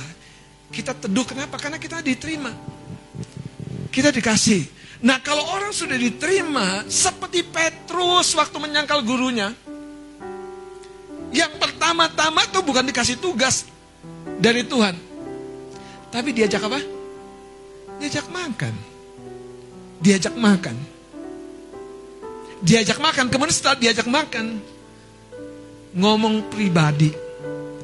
Ngomong pribadinya, saudara, Yesus tidak menginterogasi dan bertanya, kenapa kamu, kenapa kamu, kenapa kamu, kenapa kamu. Tapi Yesus berkata, Petrus, apakah engkau mengasihi aku? Saudara, seberapa apa namanya limpahnya kasih yang kita terima itu modal terbesar saudara. Bukan pengetahuan bukan bahkan uang. Tapi kasih itu akan memproduksi kemampuan kita untuk belajar. Tapi sebaliknya kalau orang sudah kehilangan kasih rasa diterima itu hatinya tawar hambar Kenapa dunia hari ini dirusak dari masa muda banyak anak muda supaya di, di, di tahap berikutnya anak-anak muda ini tidak menghasilkan apa-apa. Karena di hatinya ada sebuah cap dari dunia. Aku memang dibenci, aku memang gagal, orang tua aku memang pilih kasih.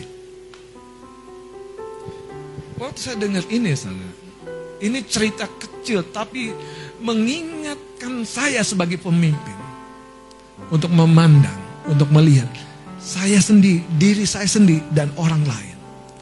Yang kita butuhkan yang pertama-tama kasih. Supaya apa saudara gini loh. Tuhan mau mendidik hati kita. Tapi bagaimana dia mendidik hati kita berada di dalam hikmatnya jalannya itu yang pertama-tama dia mau terapi hati kita. Dia mau hati dia mau teduhkan hati kita. Dia mau kita tenang. Dia mau kita tahu bahwa kita tidak perlu jadi hebat, kita memang sudah hebat. Karena Tuhan melihat kita dari permulaan sampai akhir. Hebat kita dalam pekerjaan, dalam hubungan, dalam rumah tangga, itu manifestasi benih kebesaran, benih besar, yang dahsyat, yang hebat dalam diri kita. Pertanyaannya kenapa benih itu tidak manifest? Tadi ada cap yang lain. Mungkin Anda pernah kecewa dengan orang tua pernah kecewa dengan pekerjaan, pernah kecewa dengan pemimpin. Izinkan hari ini saudara Tuhan mendidik hati kita. Tuhan menyembuhkan hati kita. Tuhan menyelaraskan kembali dengan firman-Nya sampai hati kita kembali on fire. Katakan haleluya. Begini saudara. Kalau hati kita tidak kita izinkan dididik, sebetulnya kita tuh jadi pribadi yang berbahaya. Itu poin yang paling menakutkan waktu saya belajar. Mari kita lihat beberapa cerita dengan cepat. 1 Samuel 27. Ayat yang pertama. Tolong seorang baca, Mas Adit boleh baca. 1 Samuel pasal 27 ayat yang pertama. Samuel 27. Ya. Daud di antara orang Filistin. Ya. Tapi Daud berpikir dalam hatinya, bagaimanapun juga. Sebentar, Anda lihat cerita ini dimulai dengan sebuah ungkapan. Tetapi Daud berpikir dalam hatinya, itu sebuah perenungan. Kalau Anda mau menulisi hatimu, banyak-banyaklah merenung tentang kebaikan dan kemurahan Tuhan.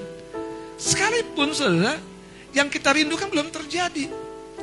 Anda bisa bilang gini, sampai usia seperti ini kalau itu karena kemurahan Tuhan, karena penjagaan Tuhan, dan Tuhan belum selesai menyelesaikan apa yang dia rencanakan.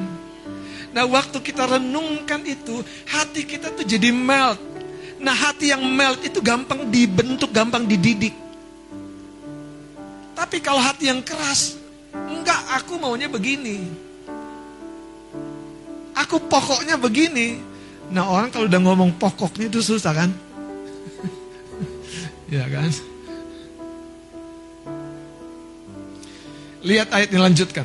Bagaimanapun juga pada suatu hari aku akan binasa oleh tangan Saul. Ya, terus? Jadi tidak ada yang lebih baik bagiku selain meluputkan diri dengan segera ke negeri orang Filistin. Terus Anda harus perhatikan kalimatnya, meluputkan diri dengan segera ke negeri orang Filistin. Terus. Maka tidak ada harapan bagi Saul untuk mencari aku lagi di seluruh daerah Israel dan aku akan terluput dari tangannya.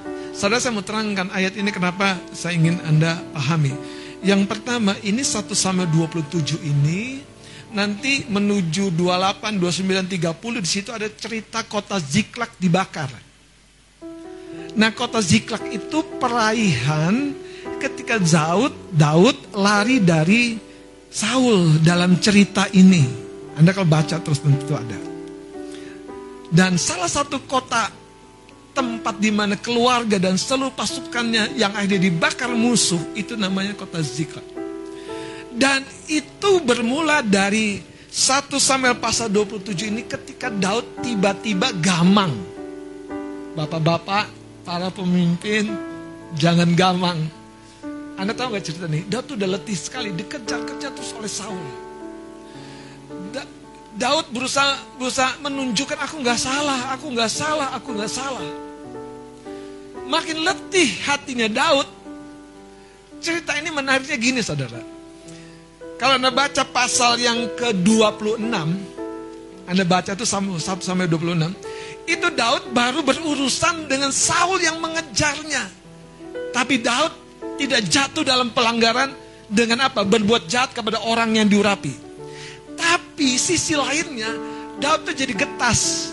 Anda tahu kan kertas kalau sudah getas tuh. Enggak disobek. Kesentuh robek. Hati tuh gitu. Sehingga apa yang terjadi saudara? Daud tiba-tiba mengambil sebuah langkah tanpa persetujuan Tuhan. Bapak Ibu tolong dengar baik-baik. Jangan buat keputusan kalau hatimu getas. Hatimu galau. Cerita ini kalau Anda baca sekilas sepertinya aman-aman saja. Tapi tidak begitu saudara. Daud itu ketika habis deal dengan, waduh, aku ini kenapa ya Tuhan? Makanya jangan kebanyakan nanya kenapa. Cari hadirat Tuhan. Anda tahu Anda dimiliki di hadirat Tuhan. Kalau Anda terus tanya kenapa aku begini, kenapa anakku begini, kenapa pasanganku begini, kenapa aku begini. Ujungnya setan tuh ketemu hati yang getas. Daud dalam cerita hatinya udah letih. Dan dia mengambil sebuah keputusan yang fatal sekali. Itu bayarannya panjang nanti saudara kalau Anda baca. Makanya seorang yang hatinya sekali lagi saudara tidak diizinkan Tuhan mendidiknya. Tapi saya bersyukur dalam cerita ini Daud tuh mengizinkan kejatuhan, kegagalan salah pilih itu jadi proses Tuhan mendidik hatinya. Kalau tidak saudara habis cerita Daud itu. Berapa banyak kita jadi orang yang berbahaya kalau Tuhan tidak kita izinkan mendidik hati kita. Ini bahayanya. Kita akan menghasilkan statement yang sama. Kita akan menghasilkan keputusan yang sama. Karena dari mana pikiran-pikiran tadi? Dari hati. Dari hati. Masalahnya, kalau yang kita tahu tidak cukup kita renungkan, yang kita tahu itu tidak turun ke hati. Dan waktu masalah datang, yang kita tahu itu tidak berkuasa mengarahkan langkah kita. Kalau hanya di level pengetahuan. Tuhan berkata kepada Yosua, renungkan, perkatakan. Betul nggak? Yosua 1 8. Supaya engkau berhati-hati dan berhasil. Makanya hanya diketahui kalau Anda tidak izinkan Anda dimuridkan. Sampai firman itu menjadi sebuah didikan dalam hidup kita. Tinggal tunggu waktunya saudara. Hati kita bereaksi lain dengan firman yang kita tahu. Jelas saudara. Yesus mengambil sebuah cerita tentang apa orang Samaria yang baik hati. Betul kan? Imam, orang Lewi. Tahu banget dong. Tahu banget. Tapi waktu lihat orang jatuh. Melangkah lewat jalan yang di seberangnya. Tapi orang Samaria yang tidak ada hubungannya dengan orang Yahudi bahkan sudah sebetulnya secara budaya mereka tuh tidak ada kontak fisik, tidak ada ngomong-ngomong. Tapi Yesus justru memakai cerita untuk menceritakan. Dia tanya gini, menurut kamu siapa sesama orang yang di, dirampok itu? Orang Farisi bilang, yang menunjukkan belas kasih.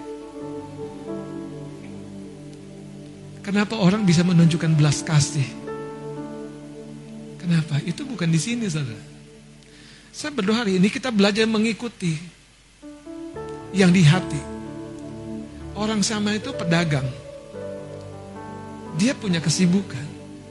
Tapi hatinya punya kasih. Yesus minta Zakius turun dari atas pohon ara. Zakius, aku mau menumpang ke rumahmu. Wah, Yesus ke rumah Zakius. Dan semua orang melihat adegan itu yang yang kontras. Penjahat, penipu, ulung pajak, perampok uang negara kalau istilah sekarang ya. Dan di situ Yesus duduk makan. Dan yang menarik Yesus bilang gini, bukan orang sehat yang butuh tabib, tapi orang sakit. Anda tahu bahwa banyak orang sakit itu bukan di keuangannya, bukan di fisiknya, tapi di hatinya. Dia tuh kehilangan kepercayaan dirinya, saudara. bahwa dia cantik, bahwa dia gagah. Dia adalah seorang bapak yang mampu memberi makan dan memelihara anak-anaknya, menyekolahkan anak-anaknya. Dia adalah seorang bapak, seorang ibu yang mampu sekalipun hanya seorang ibu tapi bisa punya bisnis sendiri. Apalagi Anda yang masih muda. Tapi kalau kita bisa belajar banyak dan itu tidak turun kepada hati kita, itu setan tuh begitu saudara, menjegalnya di situ. Kenapa? Karena setan juga tahu kekuatan hati. Apa yang membuat Petrus jadi rasul utama bukan karena dia mampu berkhotbah, tapi karena hatinya pulih. Nah, saya mau tunjukkan bahaya yang kedua dari cerita Petrus ini. Mari kita lihat kitab Yohanes pasal 21. Apakah Anda sudah menyimak Tuhan sedang mendidik hatimu dalam satu poin? Sabar nak, legowo nak, belajar terbuka nak, belajar jujur nak, ayo nak jangan nunda-nunda, Kan Amsa tadi bilang, aku mau mengajari ilmu yang baik. Itu ternyata ilmunya bukan di sini, tetapi di hati. Dan ilmunya tuh bukan sudah pengetahuan yang tinggi, luas dan dalam, tapi sikap hati. Bagaimana hati kita merespon dengan orang yang marah. Terima kasih om, mohon maaf memang saya salah. Eh malah dikasih duit. Makasih nak, kamu jadi pelayan jujur. Tapi kalau dibilang, itu bukan salah saya om. Ada dia udah tahu saudara. Tuh tuh udah tahu kok story kita. Nah ngapain dolak dalik? Ngapain dolak dalik? Anda tahu nggak? Anda bikin cerita Anda tuh halus, baik, nice. Anda bikin cerita Anda tuh ada bunga-bunganya. Maaf yang buka bajunya ada bunganya. Anda bikin cerita. Anda bikin cerita, Anda tuh begitu baik. Eh, gimana? Gimana? Gimana jam doanya? Eh, cukup baik sih. Eh, gimana baca Alkitab? Ya, cuman dikit sih bolongnya. Anda tahu gak sih, kita suka ngeles. Colek kanan kirinya. Kamu suka ngeles gak?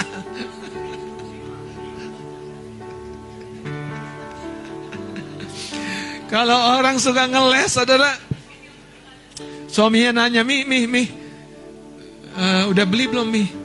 Aduh sorry ya tadi aku belum sempet, padahal dia lupa.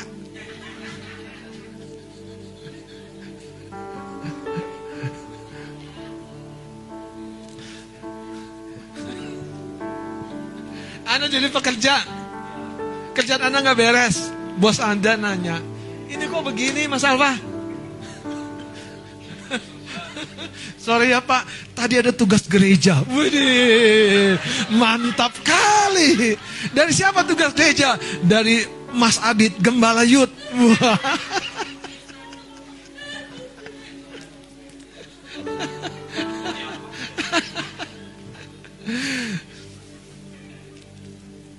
Kenapa bangunnya kesiangan?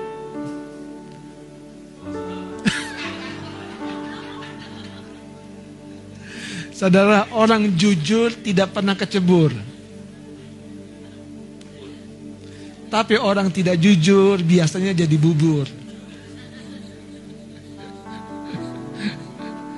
Saudara, Alkitab yang bilang kalau kita jujur tuh malah kita dikasih, dicintai.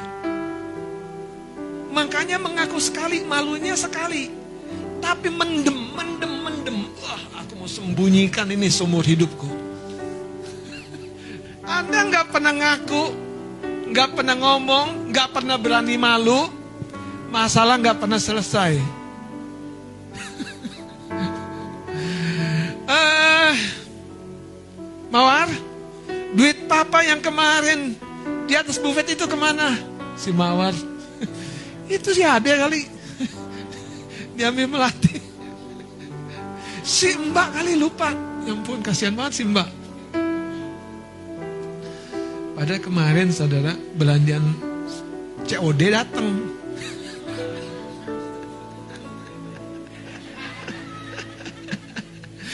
Pas dia nggak punya uang cash, eh ada uang cash ngegeletak. Nggak niat, tapi ujungnya jadi apa? jadi niat ya. Makanya saudara yang di hati itu akan terekspos. Nah izinkan Tuhan tuh mengekspos hati kita. Hati kita yang rawan tuh nggak apa-apa kok ketahuan. Ya bun ya. Ya mas ya. Ya Fer ya. Hati kita yang rawan tau nggak? Kalau tikungan rawan tuh artinya apa? Jangan kencang-kencang. Kalau jurang tikungan rawan kasih tanda hati-hati. Eh masih ngebut juga. Selamatlah saudara. Gak apa-apa terekspos. Daud malah berani. Dia mengekspos hatinya dan selesaikan ceritanya. Daud naik lagi kan jadi raja yang termasyur, jadi hamba Tuhan yang terkenal. Dia pernah jatuh, pernah, pernah banget. Hari ini coba tarik nafas dalam-dalam. Nggak apa-apa ketahuan kok jelek kok. Cuman gini caranya, berubah. Amin. Suami-suami, Anda bukan jelek, Anda bukan bukan jelek, cuman belum bagus. Terutama di area kampung tengah itu kan, belum bagus. Gimana Mas Adit? Belum bagus?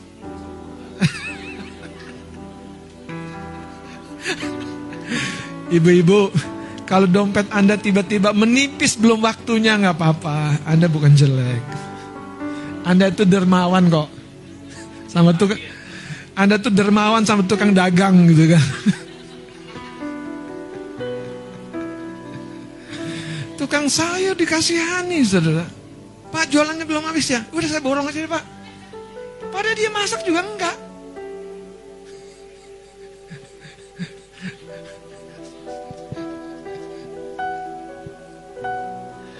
Haleluya. Coba kita lihat saudara Yohanes pasal 21. Katakan aku mau dididik. Hatiku mau dididik. Jadi respon dari hati yang sudah dididik itu pasti mantap saudara. Wah Daud aja ngeliat Goliat. Lah siapa? Lu. Daud itu ngeliat Goliat itu saudara bukan gini saudara. Hah, siapa lu? Karena dia tahu aku terikat perjanjian dengan Tuhanku. Nah kamu siapa? Berani-beraninya. Anda lihat masalah gitu gak sih? Ada sebuah kepercayaan diri yang dalam saudara. Karena akalnya itu hatinya pulih. Anda lihat keluarga gitu nggak? Lihat masa depan gitu nggak? Lihat bisnis gitu nggak? Yakin tuh pulih. Dan tiba-tiba saudara batu itu nggak tahu bagaimana Tuhan tolong batunya Tuhan tolong. Sekali lempar nyampe juga ke jidatnya Goliat. Pada Daud tuh nggak pernah terbayang aku mau penggal kepalanya pakai apa tuh enggak. Goliat jatuh pedang musuhnya dan diambil, dipenggal kepalanya. Dan dia membuat sebuah sejarah di kisah itu. Dari seorang yang hatinya mau dididik ke Tuhan di padang penggembalaan. Ketika Daud tidak lari, ketika kambing dombanya, domba-domba yang dua tiga ekor itu apa di, dikejar oleh beruang dan singa. Makanya sudah respon yang muncul ketika masalah apa? Konflik, nyalain orang. Ada kambing hitam, kambing oranye, kambing ungu, kambing merah. Anda sendiri kambing putih. Waduh, indah sekali hidup. Anda bilang, si itu sih bang, dia bang, dia duluan bang. Setan dari atas, na na na na na na na na na na. Setan dari atas cekikin, udah tahu nggak? Dia tuh jemaatnya, Pak Pendeta tuh. Kasihan deh, Pak Pendeta khotbah capek-capek. Dia nggak ngerti.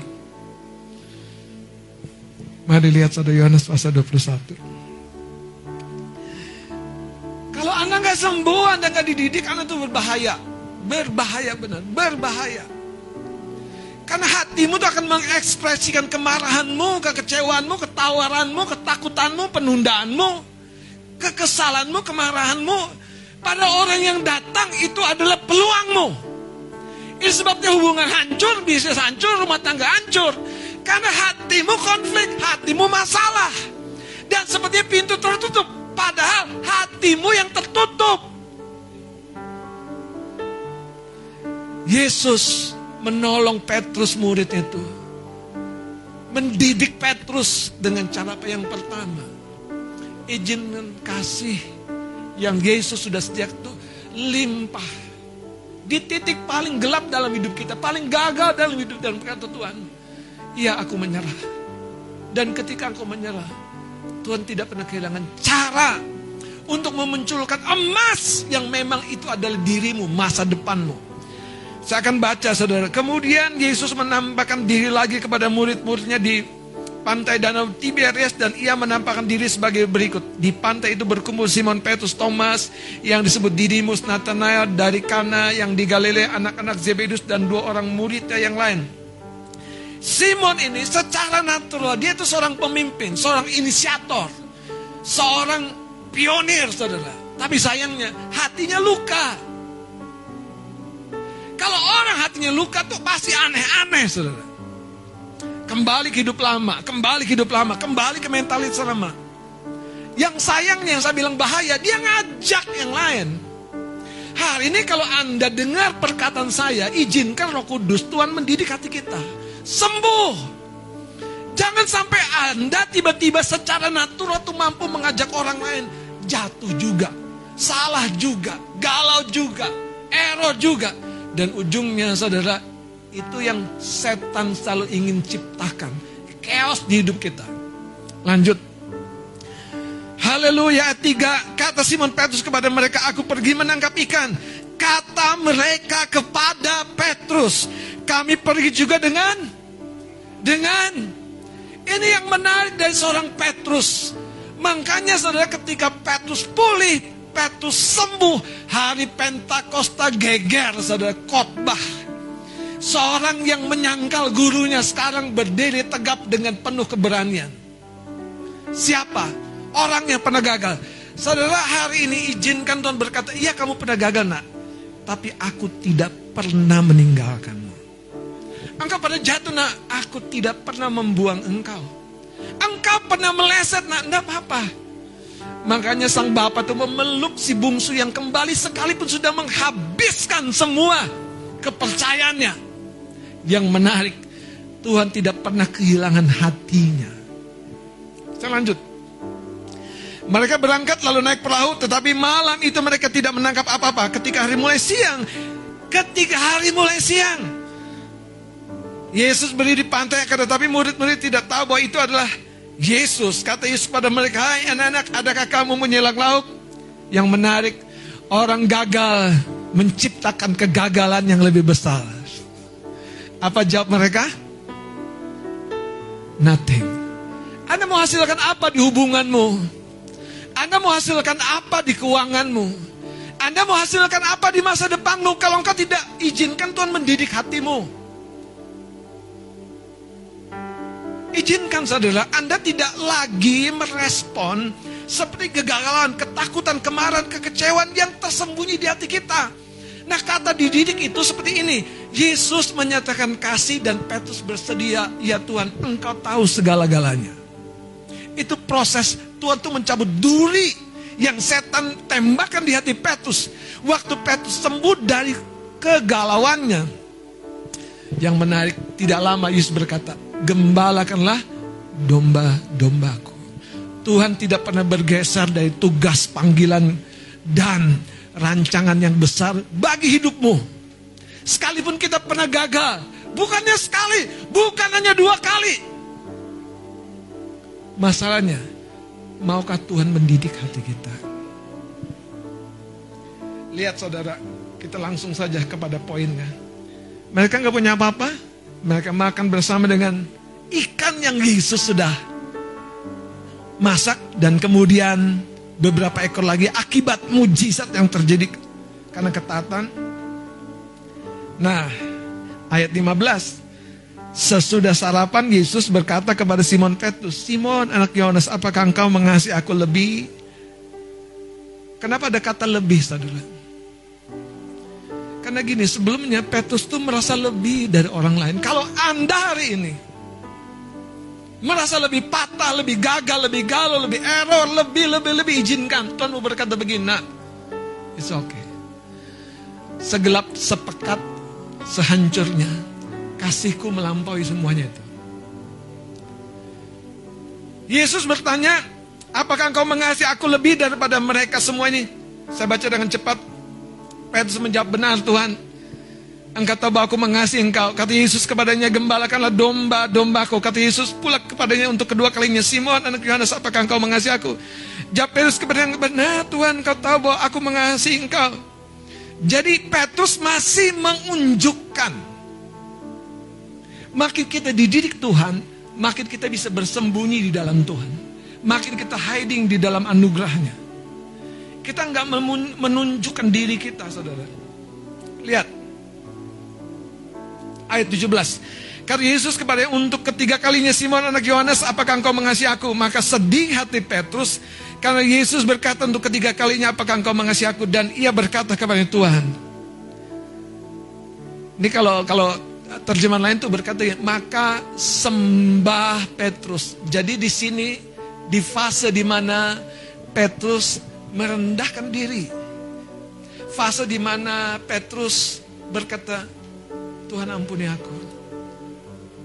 Aku pikir kegagahanku akan membawa aku sukses berhasil. Tapi justru ketika aku menyembah, menyerah. Engkau yang mengangkat dan menyembuhkan aku. Saya baca saudara. Kata Yesus kepadanya, gembalakanlah domba-dombaku. Dan kalau Anda baca terus, ayat 19 ya. Dan hal ini dikatakannya untuk menyatakan bagaimana Petrus akan mati dan memuliakan Allah. Sesudah mengatakan demikian, ia berkata kepada Petrus, ikutlah aku. Tuhan kita mendidik kita. Paulus berkata begini, kalau Bapak di dunia mendidik kita anak-anaknya dalam waktu yang terbatas. Saya kehilangan papa saya masih umur 3 tahun. Saya nggak tahu yang namanya gesper ikat pinggang mampir di paha saya. Lima jawatan ini mampir di paha saya. saya nggak tahu. Mama saya berjuang. Saya nggak punya cerita. Saya cuma pernah ingat kalau papa pulang dari kerja bawa mie goreng. Kami kerebutin itu mie goreng. Sisanya bawang-bawangnya, timun-timunnya. Nah itu bagian papa. Dia nikmati itu. itu tergurat begitu dalam di hati saya. Sampai saya suka bawang-bawang timun-timun itu. Tapi kalau anda bawa goreng jangan buat saya itunya.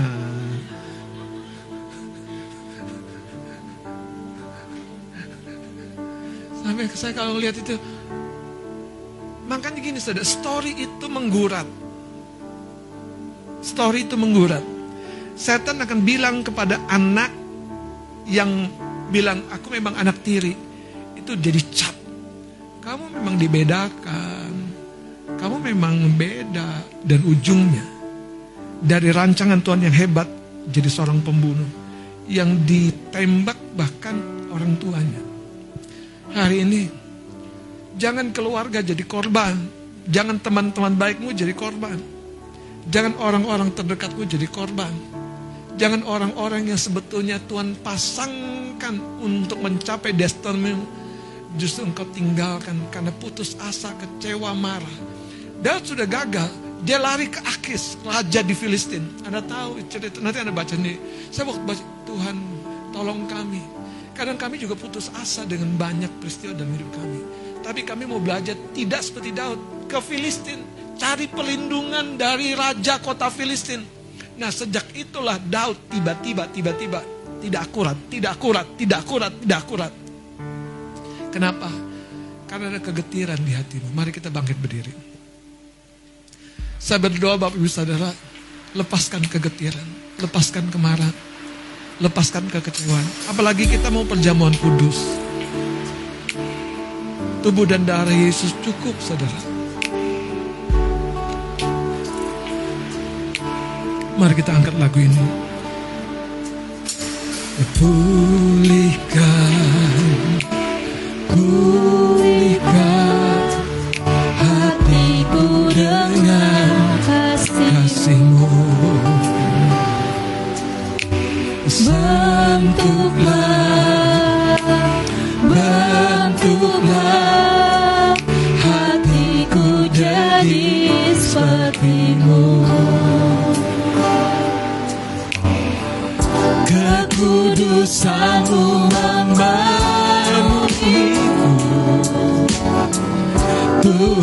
ini rinduku. Ubah hatiku. Ubah hatiku seperti hatimu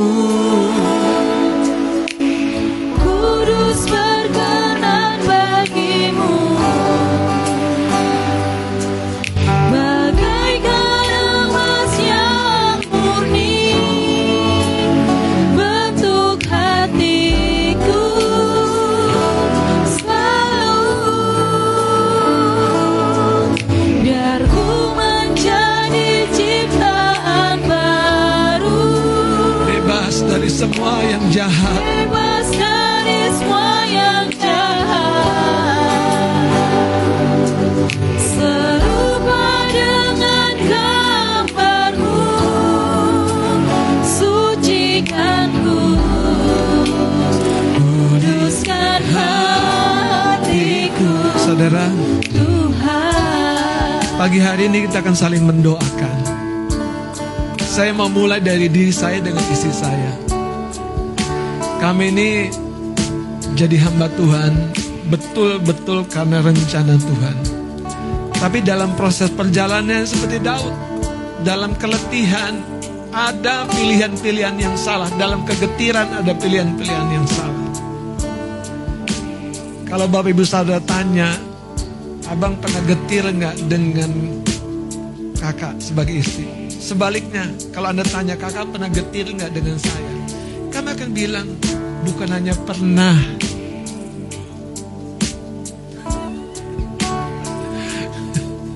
Bahkan bukan hanya satu dua kali. Tetapi saya mau kasih tahu saudara. Itulah pentingnya komitmen. Komitmen itu di atas perasaan. Amin, tak terus ya. Komitmen tuh di atas perasaan. Kalau ta- anda tanya Bang Horas, pernah getir nggak? Haleluya. Tanya Kasari, pernah nggak? Haleluya. Kita pernah getir nggak sama orang tua kita? Eh, Kesel marah tapi bingung mau mengungkapkan sama orang terbaik dalam hidup kita. Pernah saudara.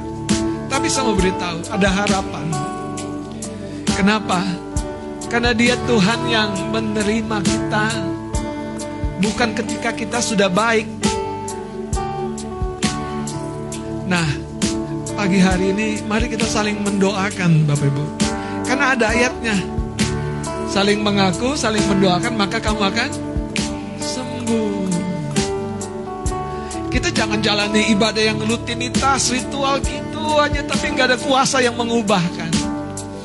Hari ini izinkan roh kudus Menggerakkanmu ke siapa Minta didoakan Dan mendoakan Cowok-cowok Jangan keraskan hatimu Wah aku nggak apa-apa kok Aku aman kok Aku oke kok. Kadang-kadang lebih gengsi tuh bukannya suami loh. Suami di sini baik-baik loh saya lihat. Lembut-lembut hatinya. Ada amin? ya kan? Mereka orang-orang yang berinisiatif membangun sebuah hubungan yang baru, minta ampun, minta maaf, rekonsiliasi. Tapi kadang-kadang ada juga saudara, ladies-ladies yang mahkotanya itu terlalu tinggi, jadi susah kalau nunduk. Nah, hari ini mari kita jadi hamba, amin. Yuk, masing-masing pokoknya digerakkan hatimu, hampiri. Kakak bolehkan sini. Kami bukan sedang show up, tapi kami mau mengangkat tangan biar kasih, sayang, kelemah lembutan menyertai. Angkat pujian ini sambil Anda hampiri siapa pun yang Tuhan gerakkan. Minta doa, mendoakan. Ayo, katakan. Pulihkan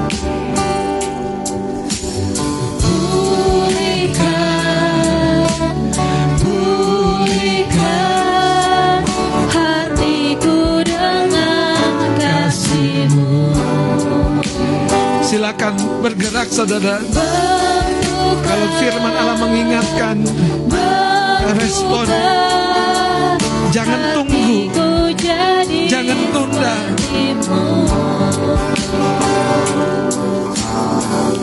Kekudusanmu memenuhiku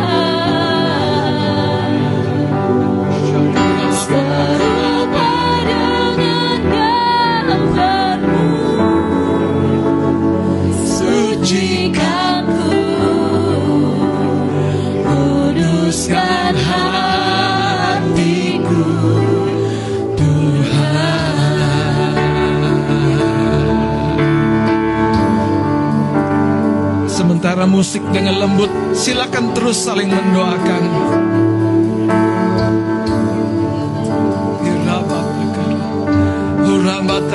Bapak ibu saudari yang di rumah, di mana pun kau berada, biarlah kasih Allah memelukmu, biarlah kasih Tuhan menyembuhkanmu, biarlah kasih sayang Tuhan memperbaharui hatimu.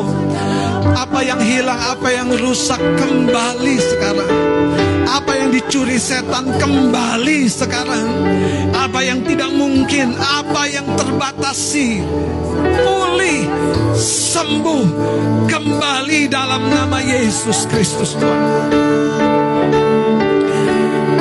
Karena Tuhan, Dia Bapamu, Dia memperhatikanmu, Dia mengetahui seluk-beluk hatimu, dan Dia mau mendidik hati kita.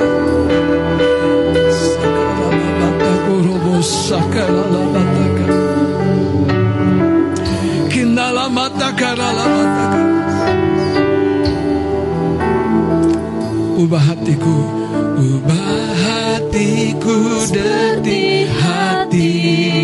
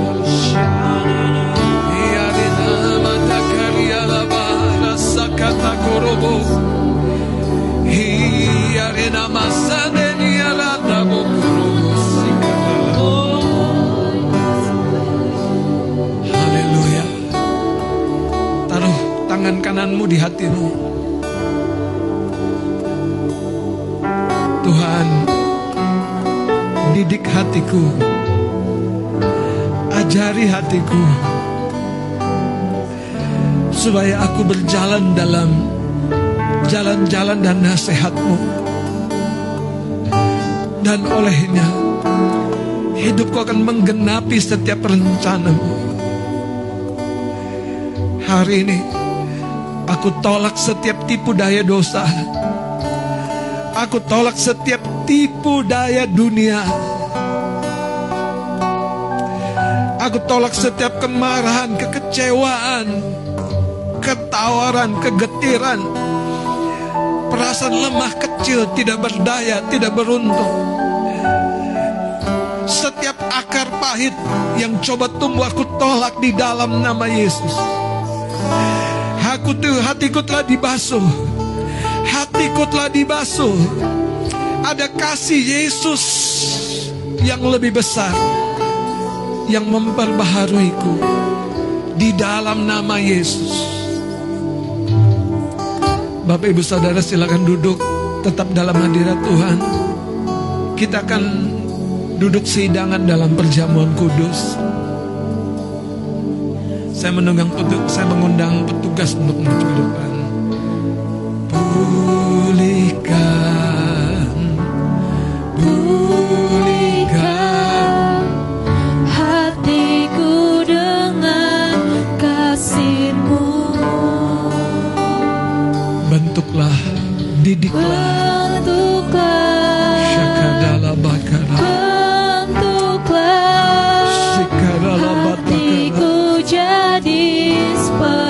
Kasih sayangmu saja yang mengalir di tempat ini.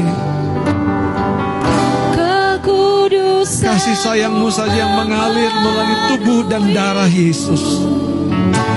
Aku berdoa setiap anak-anakmu akan mengetahui betapa berharga dan bernilainya hidup mereka dicintai oleh Engkau. Kuasamu, urapanmu, kekudusanmu menaungi para pelayanmu ini. Nampan dan tubuh dan darah Yesus. Kudus menyatakan kasihmu Tuhan pada setiap umat. terjadi dalam nama Yesus. Silakan bagikan. biar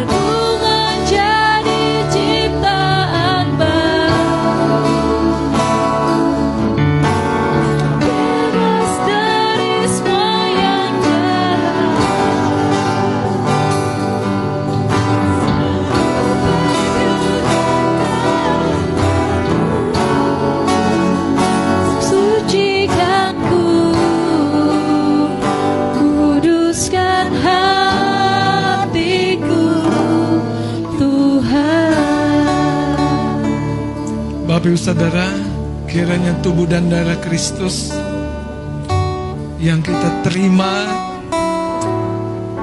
mengingatkan kita betapa dia memberikan pengorbanannya. Jadi jangan pernah tidak paham bahwa tubuh dan darah Kristus dalam perjamuan kudus pagi ini adalah sebuah pesan keseriusan Tuhan atas hidup kita. Dia tidak mencari korban yang lain, tapi tubuh dan darahnya. Dan kalau Bapak Ibu Saudara hari ini mendengar dan mengetahui ini semua, pahamilah bahwa sisi manusiawi kita selalu dan sering dan kadang tidak seperti yang kita harapkan. Pengennya begini begitu, tapi tiba-tiba tidak terjadi. Saudara, jangan menjadi patah semangat. Tuhan masih melanjutkan karyanya dalam hidup setiap kita. Amin. Daud pernah gagal, tapi kalau Anda baca terus, dia belajar, dia izinkan Tuhan mendidik hatinya. Bukan pilihan-pilihannya lagi, tapi tuntunan Tuhan yang begitu nyata di kota Ziklak dalam keadaan kritis itu. Mari kita bangkit berdiri. Haleluya. Mari kita berdoa.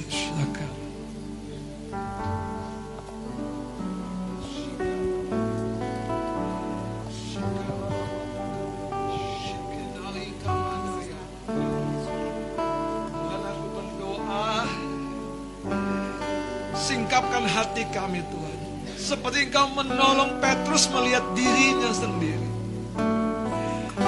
Bapa Tolong kami melihat diri kami yang rapuh Diri kami yang sering gagal Supaya kami bersandar bukan kepada kekuatan kami Tapi kami bersandar kepada anugerah dan kemurahan Hari ini Tuhan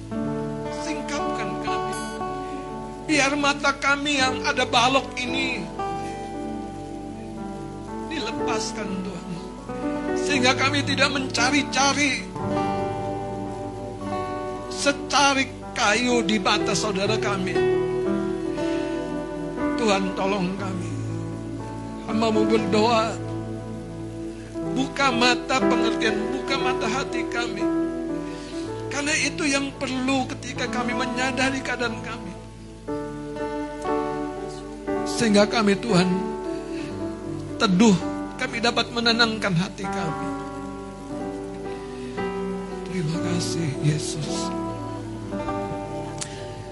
Pada malam terakhir waktu Yesus diserahkan, ia mengambil roti, pegang roti tangan kanan kita angkat tinggi. Dia mengambil roti lalu memecahkannya dan berkata, Inilah tubuhku yang dipecahkan bagi kamu. Perbuatlah setiap kali kamu memakannya menjadi peringatan akan aku. Tuhan, kami mengingat akan kasihnya Engkau kepada kami. Di lembah mana pun kami sedang bersembunyi, Engkau menerangi kami, Engkau menolong kami. Kami terima dengan percaya kesembuhan menjadi bagian kami.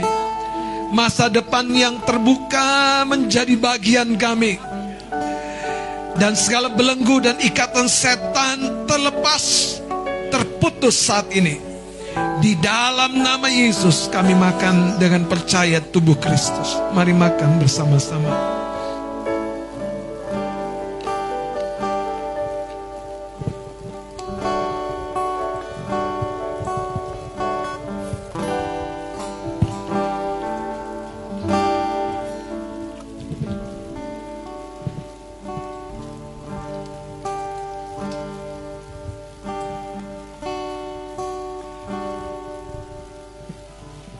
Setelah makan lalu ia mengangkat cawan.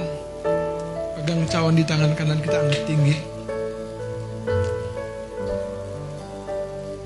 Cawan ini adalah cawan perjanjian baru yang dimateraikan oleh darahku. Cawan ini bagian daripada perjamuan yang menyatu tubuh dan darah Kristus.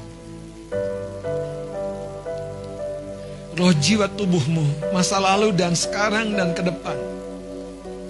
Dalam hidupmu seutuhnya, Tuhan garansi dengan pengorbanannya. Mari angkat tinggi. Berbuatlah ini setiap kali kamu meminumnya, menjadi pengingat akan daku. Mari kita berdoa. Yesus Tuhan, Yesus Tuhan. Bukan hanya tubuhmu yang begitu bernilai dan berharga. Darahmu yang suci kudus yang telah menanggung semua dosa kami. Hari ini kami rayakan kemenangannya. Hati kami diperbaharui, hidup kami menerima terang yang membawa kami melihat rancanganmu sempurna terjadi.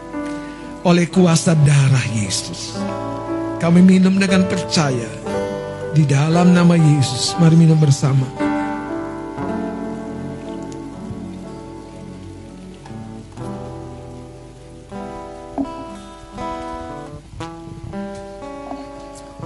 Masing-masing satu dua menit di tempatmu bersyukur, saudara bersyukur, bersyukur. Masing-masing kita bersyukur. Hari ini kiranya kita sembuh, kita pulih.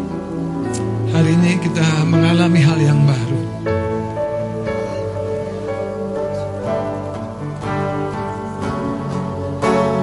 Tuhan, Tuhan, terima kasih. Terima kasih. Haleluya. Kami mengucap syukur. Memateraikan Tuhan apa yang kami terima, apa yang kami alami pada ibadah hari ini. Kami dipulihkan, disembuhkan. Kami mengucap syukur di dalam nama Yesus. Beri tepuk tangan kemuliaan bagi nama Tuhan. Haleluya. Haleluya. Haleluya. Haleluya. Haleluya. Puji Tuhan. Silakan duduk Bapak Saudara. Waktu selanjutnya saya serahkan kepada pemimpin puji.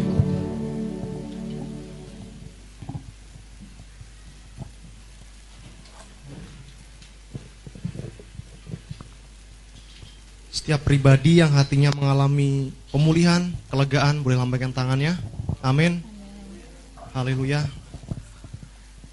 Sebentar saya akan menyampaikan eh, jika ada hikmat marifat, pesan Tuhan yang disampaikan kepada pelayan Tuhan, saya persilahkan.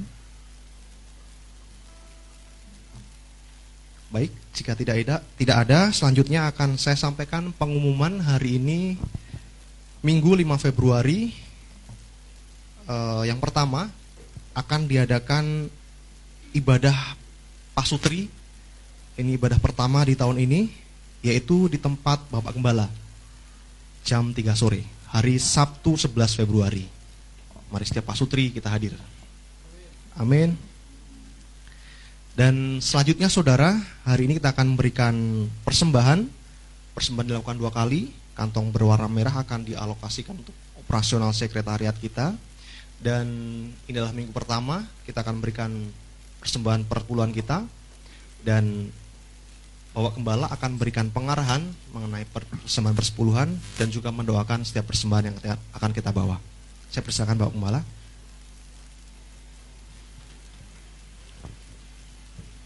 Baik, Bapak Ibu kalau sudah menerima selebaran seperti ini boleh angkat tangan? Ada yang belum?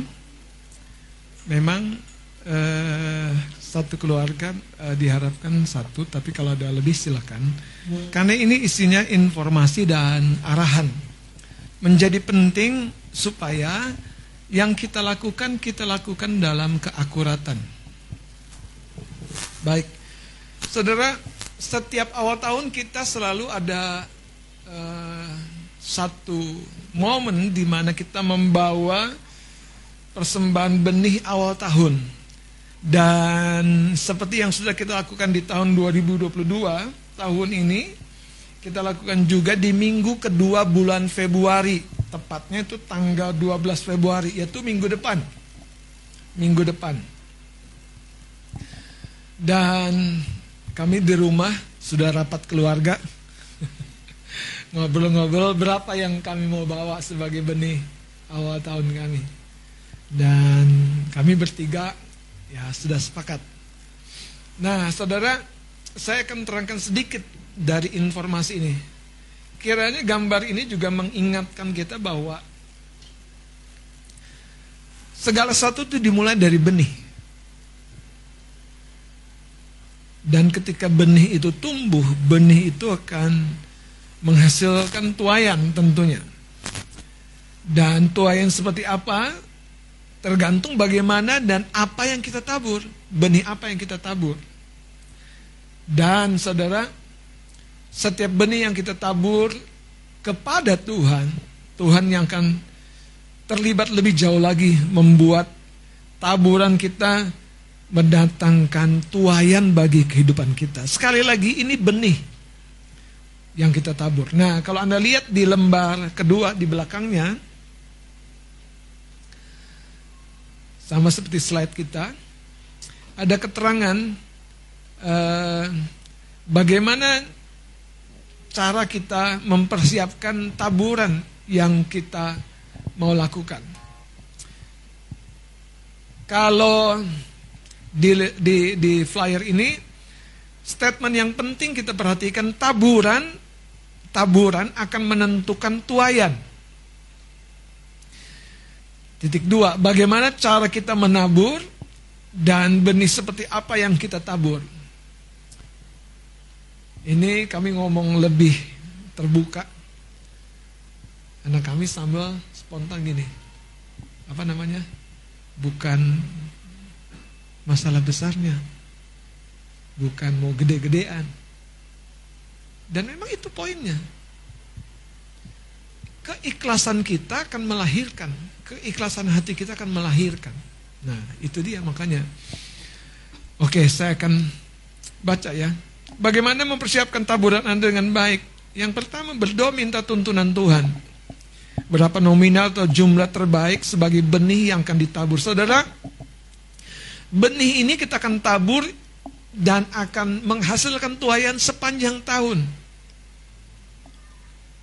Sesuai dengan iman kita, pengharapan kita dalam Tuhan terjadi.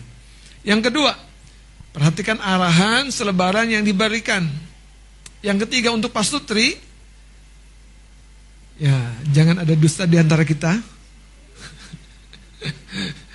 Jadi artinya sepakati dengan pasanganmu.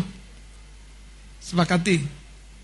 Jangan aku maunya segini, tapi pasangannya gak sepakat ya obrolin lagi saudara. Jangan ngotot, kok segitu sih kekecilan? Wah kan keren tuh saudara. Terus saya bilang, mikir dong. Belum nabur udah terjadi. ya kita makanya bilang sepakati, hitung dengan baik. Ya untuk pastutri. Kakak adik kalau berdoa ya ngobrol juga. Yang keempat, Lakukan dengan hikmat. Iman dan ikhlas.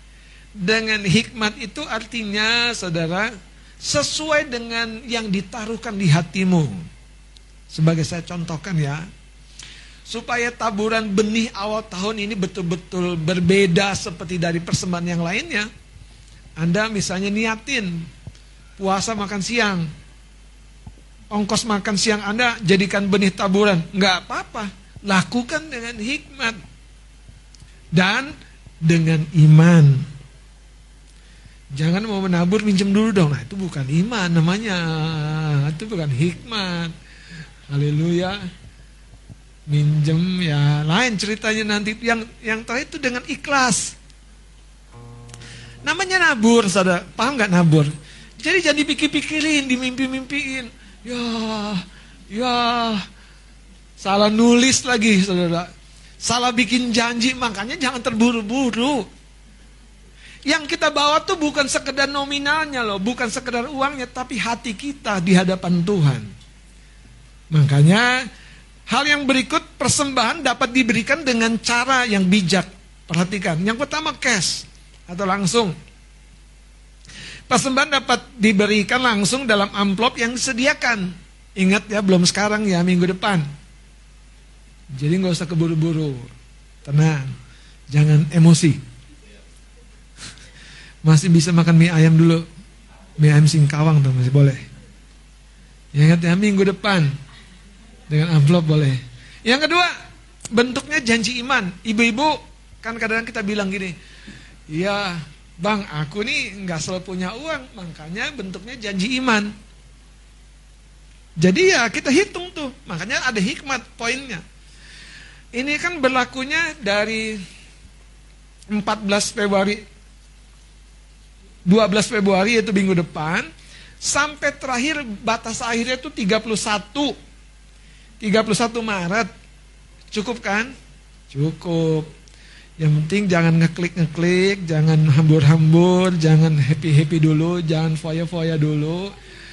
Tahan diri. Nah, Menabur akan menghasilkan tuayan. Nabur di perut akan menghasilkan perut. Nabur mie ayam sih. Jadi enak nih. Baik, yang tadi pertama cash, yang kedua tuh janji iman. Jadi janjinya jangan pakai emosi, tapi pakai iman. Haleluya. Jangan pakai pokoknya. Itu emosi, saudara. Hitung dengan teduh, tenang. Ya. Dan jangan maksa Tuhan. Pokoknya Tuhan harus berkati, harus harus harus berkati. Supaya aku bisa nabur. Saudara, ya gini ya, deal kita sama Tuhan tuh gimana gitu. Jangan jadi ngerepotin Tuhan. Wong kata Tuhan kamu yang mau nabur, aku didesak-desak berkati aku dong. Berkati aku. Saudara. Jadi lakukan dengan iman. Nah, batas akhirnya itu 31 Maret. Jadi jangan bilang belum diingetin ya. Masih ada waktu. Oke. Yang ketiga, bagaimana Anda e, caranya selain di amplop, cash, janji iman atau diangsur. Dan yang terakhir Anda bisa lakukan dengan transfer ke rekening gereja. Oke, kalau ada amplop persembahan benih yang belum dibagikan ya minggu depan, itu di dalamnya nanti ada slip yang isinya misalnya gini, Anda mau mengangsur. Kalau janji imannya diangsur misalnya tiga kali, sekali narik dapatnya 500 juta gitu kan. Narik presiden. Anda mau kasih misalnya 1 M ya tiga kali diangsur kan bisa. Bisa. Mau jual properti dulu bisa. Ya kan Tapi gimana om properti saya sepatu ini yang banyak ini. Ya dijual lah ngapain saudara. Disimpan berbuluk-buluk. Jadi banyak cara kok untuk menyenangkan Tuhan melalui keikhlasan dan hikmat yang Tuhan taruh. Amin. Aku mau kerja ekstra dulu. Boleh, boleh banget saudara. Boleh. Kerja di sekretariat supaya aku bisa nabur. Boleh. Daftar sama Kanani. Saudara. Banyak kerjaan di sekretariat tanya si Pak D. Banyak. Ya.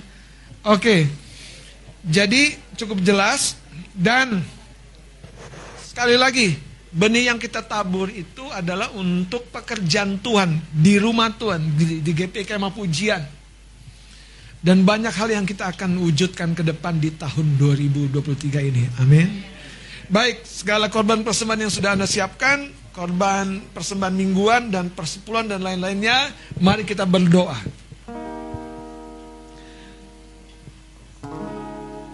Biarlah ketulusan dan keikhlasan hati kami Tuhan yang akan menggerakkan kami.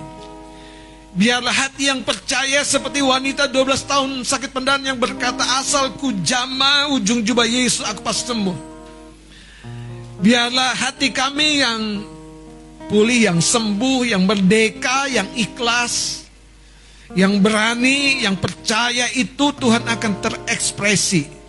Engkau yang memberkati segala korban persembahan anak-anakmu. Hambamu berdoa, segala korban persembahan mingguan. Bahkan persepuluhan yang mereka bawa dan juga sudah ditransfer. Dan segala korban syukur yang mereka bawa Tuhan berkati. Tuhan balaskan dalam kehidupan anak-anakmu karena engkau tidak pernah berhutang. Dan engkau Allah yang tidak pernah menunda-nunda untuk memberkati berkati mereka. Terima kasih Tuhan untuk arahan persembahan benih awal tahun kami. Kami mau persiapkan dengan sukacita minggu depan kami mau bawa dan kiranya semua menyenangkan hatimu saja. Kami mengucap syukur dengan sukacita dengan percaya kami mau bawa taburan kami persembahan kami pada minggu ini di dalam nama Tuhan Yesus Kristus. Sama-sama kita katakan amin. Selamat memberi saudara. Sambil kita memberikan persembahan, kita angkat pujian Tuhan Allah kita bertahta.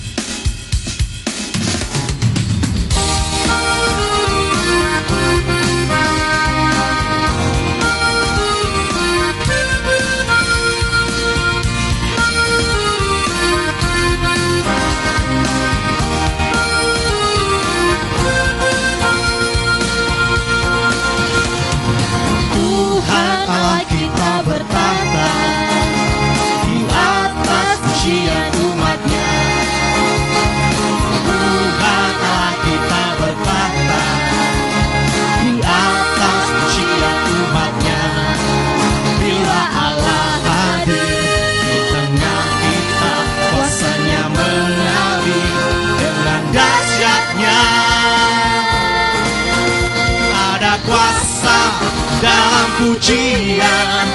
Bernyanyilah segenap hati dan jiwa Sebab ada kuasa dalam pujian. Yang sanggup mengungkap kekuatan lawan. Katakan pujian kita dari awal saudara. Tuhan Allah kita bertahta.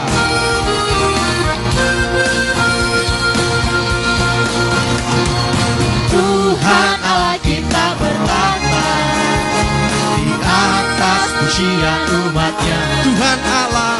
Tuhan Allah kita berkata di atas pujian umatnya. Bila Allah, bila Allah hadir di tengah kita Kuasanya mengalir. Katakan bila Allah hadir. Allah hadir. Yang sudah memberikan persembahan Saya undang bangkit berdiri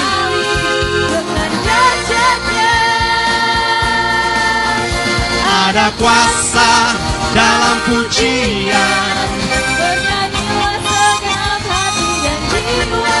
Sebab ada kuasa dalam pujian.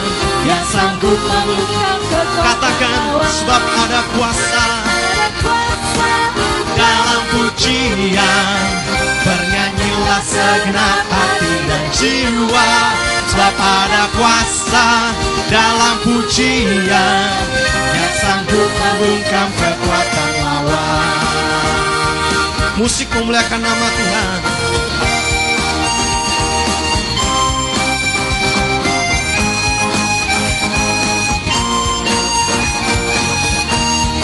Kita akan mengakhiri ibadah kita pada siang hari ini. Kita akan berdoa. Tuhan kami bersyukur buat segala kasih setia Tuhan dalam kehidupan kami.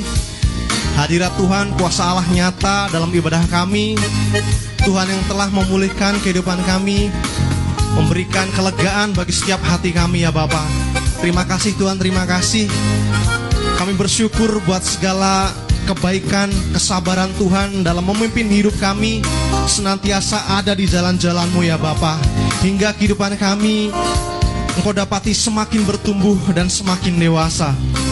Kami bersyukur buat kesabaran Tuhan dalam memberikan kami ajaran demi ajaran, menuntun kami sampai sempurna dalam kekudusan Tuhan. Terima kasih Bapak, terima kasih. Kala kami jatuh, Tuhan angkat kami. Dosa-dosa kami Tuhan telah ampuni. Segala luka dalam hati kami dengan lembut Tuhan balut hingga sembuh kembali. Terima kasih Bapak, terima kasih. Pada siang hari ini mengakhiri ibadah kami Tuhan. Kami bersatu hati, kami berdoa buat gedung gereja GPI Kemah Pujian. Kami bersyukur hingga saat hari ini kami boleh menikmati segala kemurahan dan kebaikan Tuhan. Terima kasih buat Ibu Rini sekeluarga hingga hari ini Tuhan berikan tempat ini untuk kami boleh beribadah dengan sangat baik dengan segala kenyamanan kami boleh terima ya Bapak.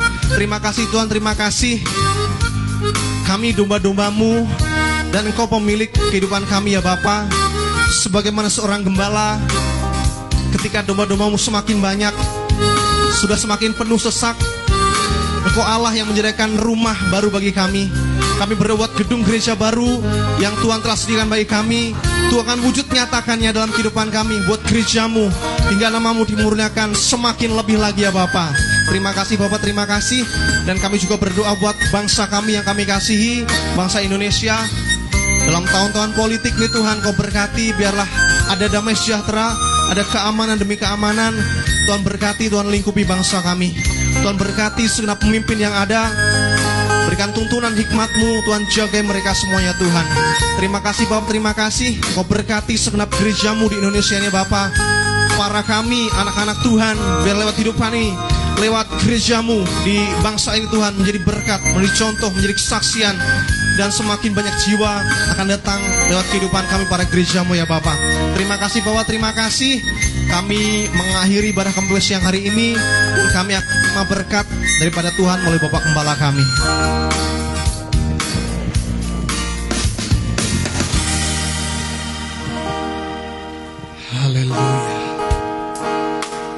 Terima kasih Bapa di penghujung ibadah kami hari ini. Biarlah kami hadapkan hati kami sepenuhnya yang limpah dengan syukur dan keyakinan yang baru. Hari ini kami mengerti bahwa hati kami menentukan banyak hal. Didik hati kami Tuhan.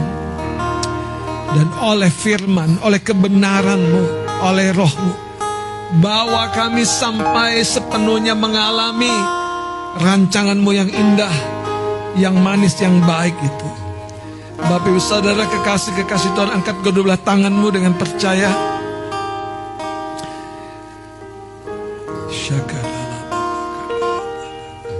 Kasih karunia dari Allah dan Bapa di dalam surga. Kemurahannya yang melimpah, yang jauh melampaui akal dan pikiranmu. Yang kepadanya engkau bersandar. Dan cinta kasih Tuhan Yesus Kristus dalam pengorbanannya yang nyata. Tempat engkau berpijak kokoh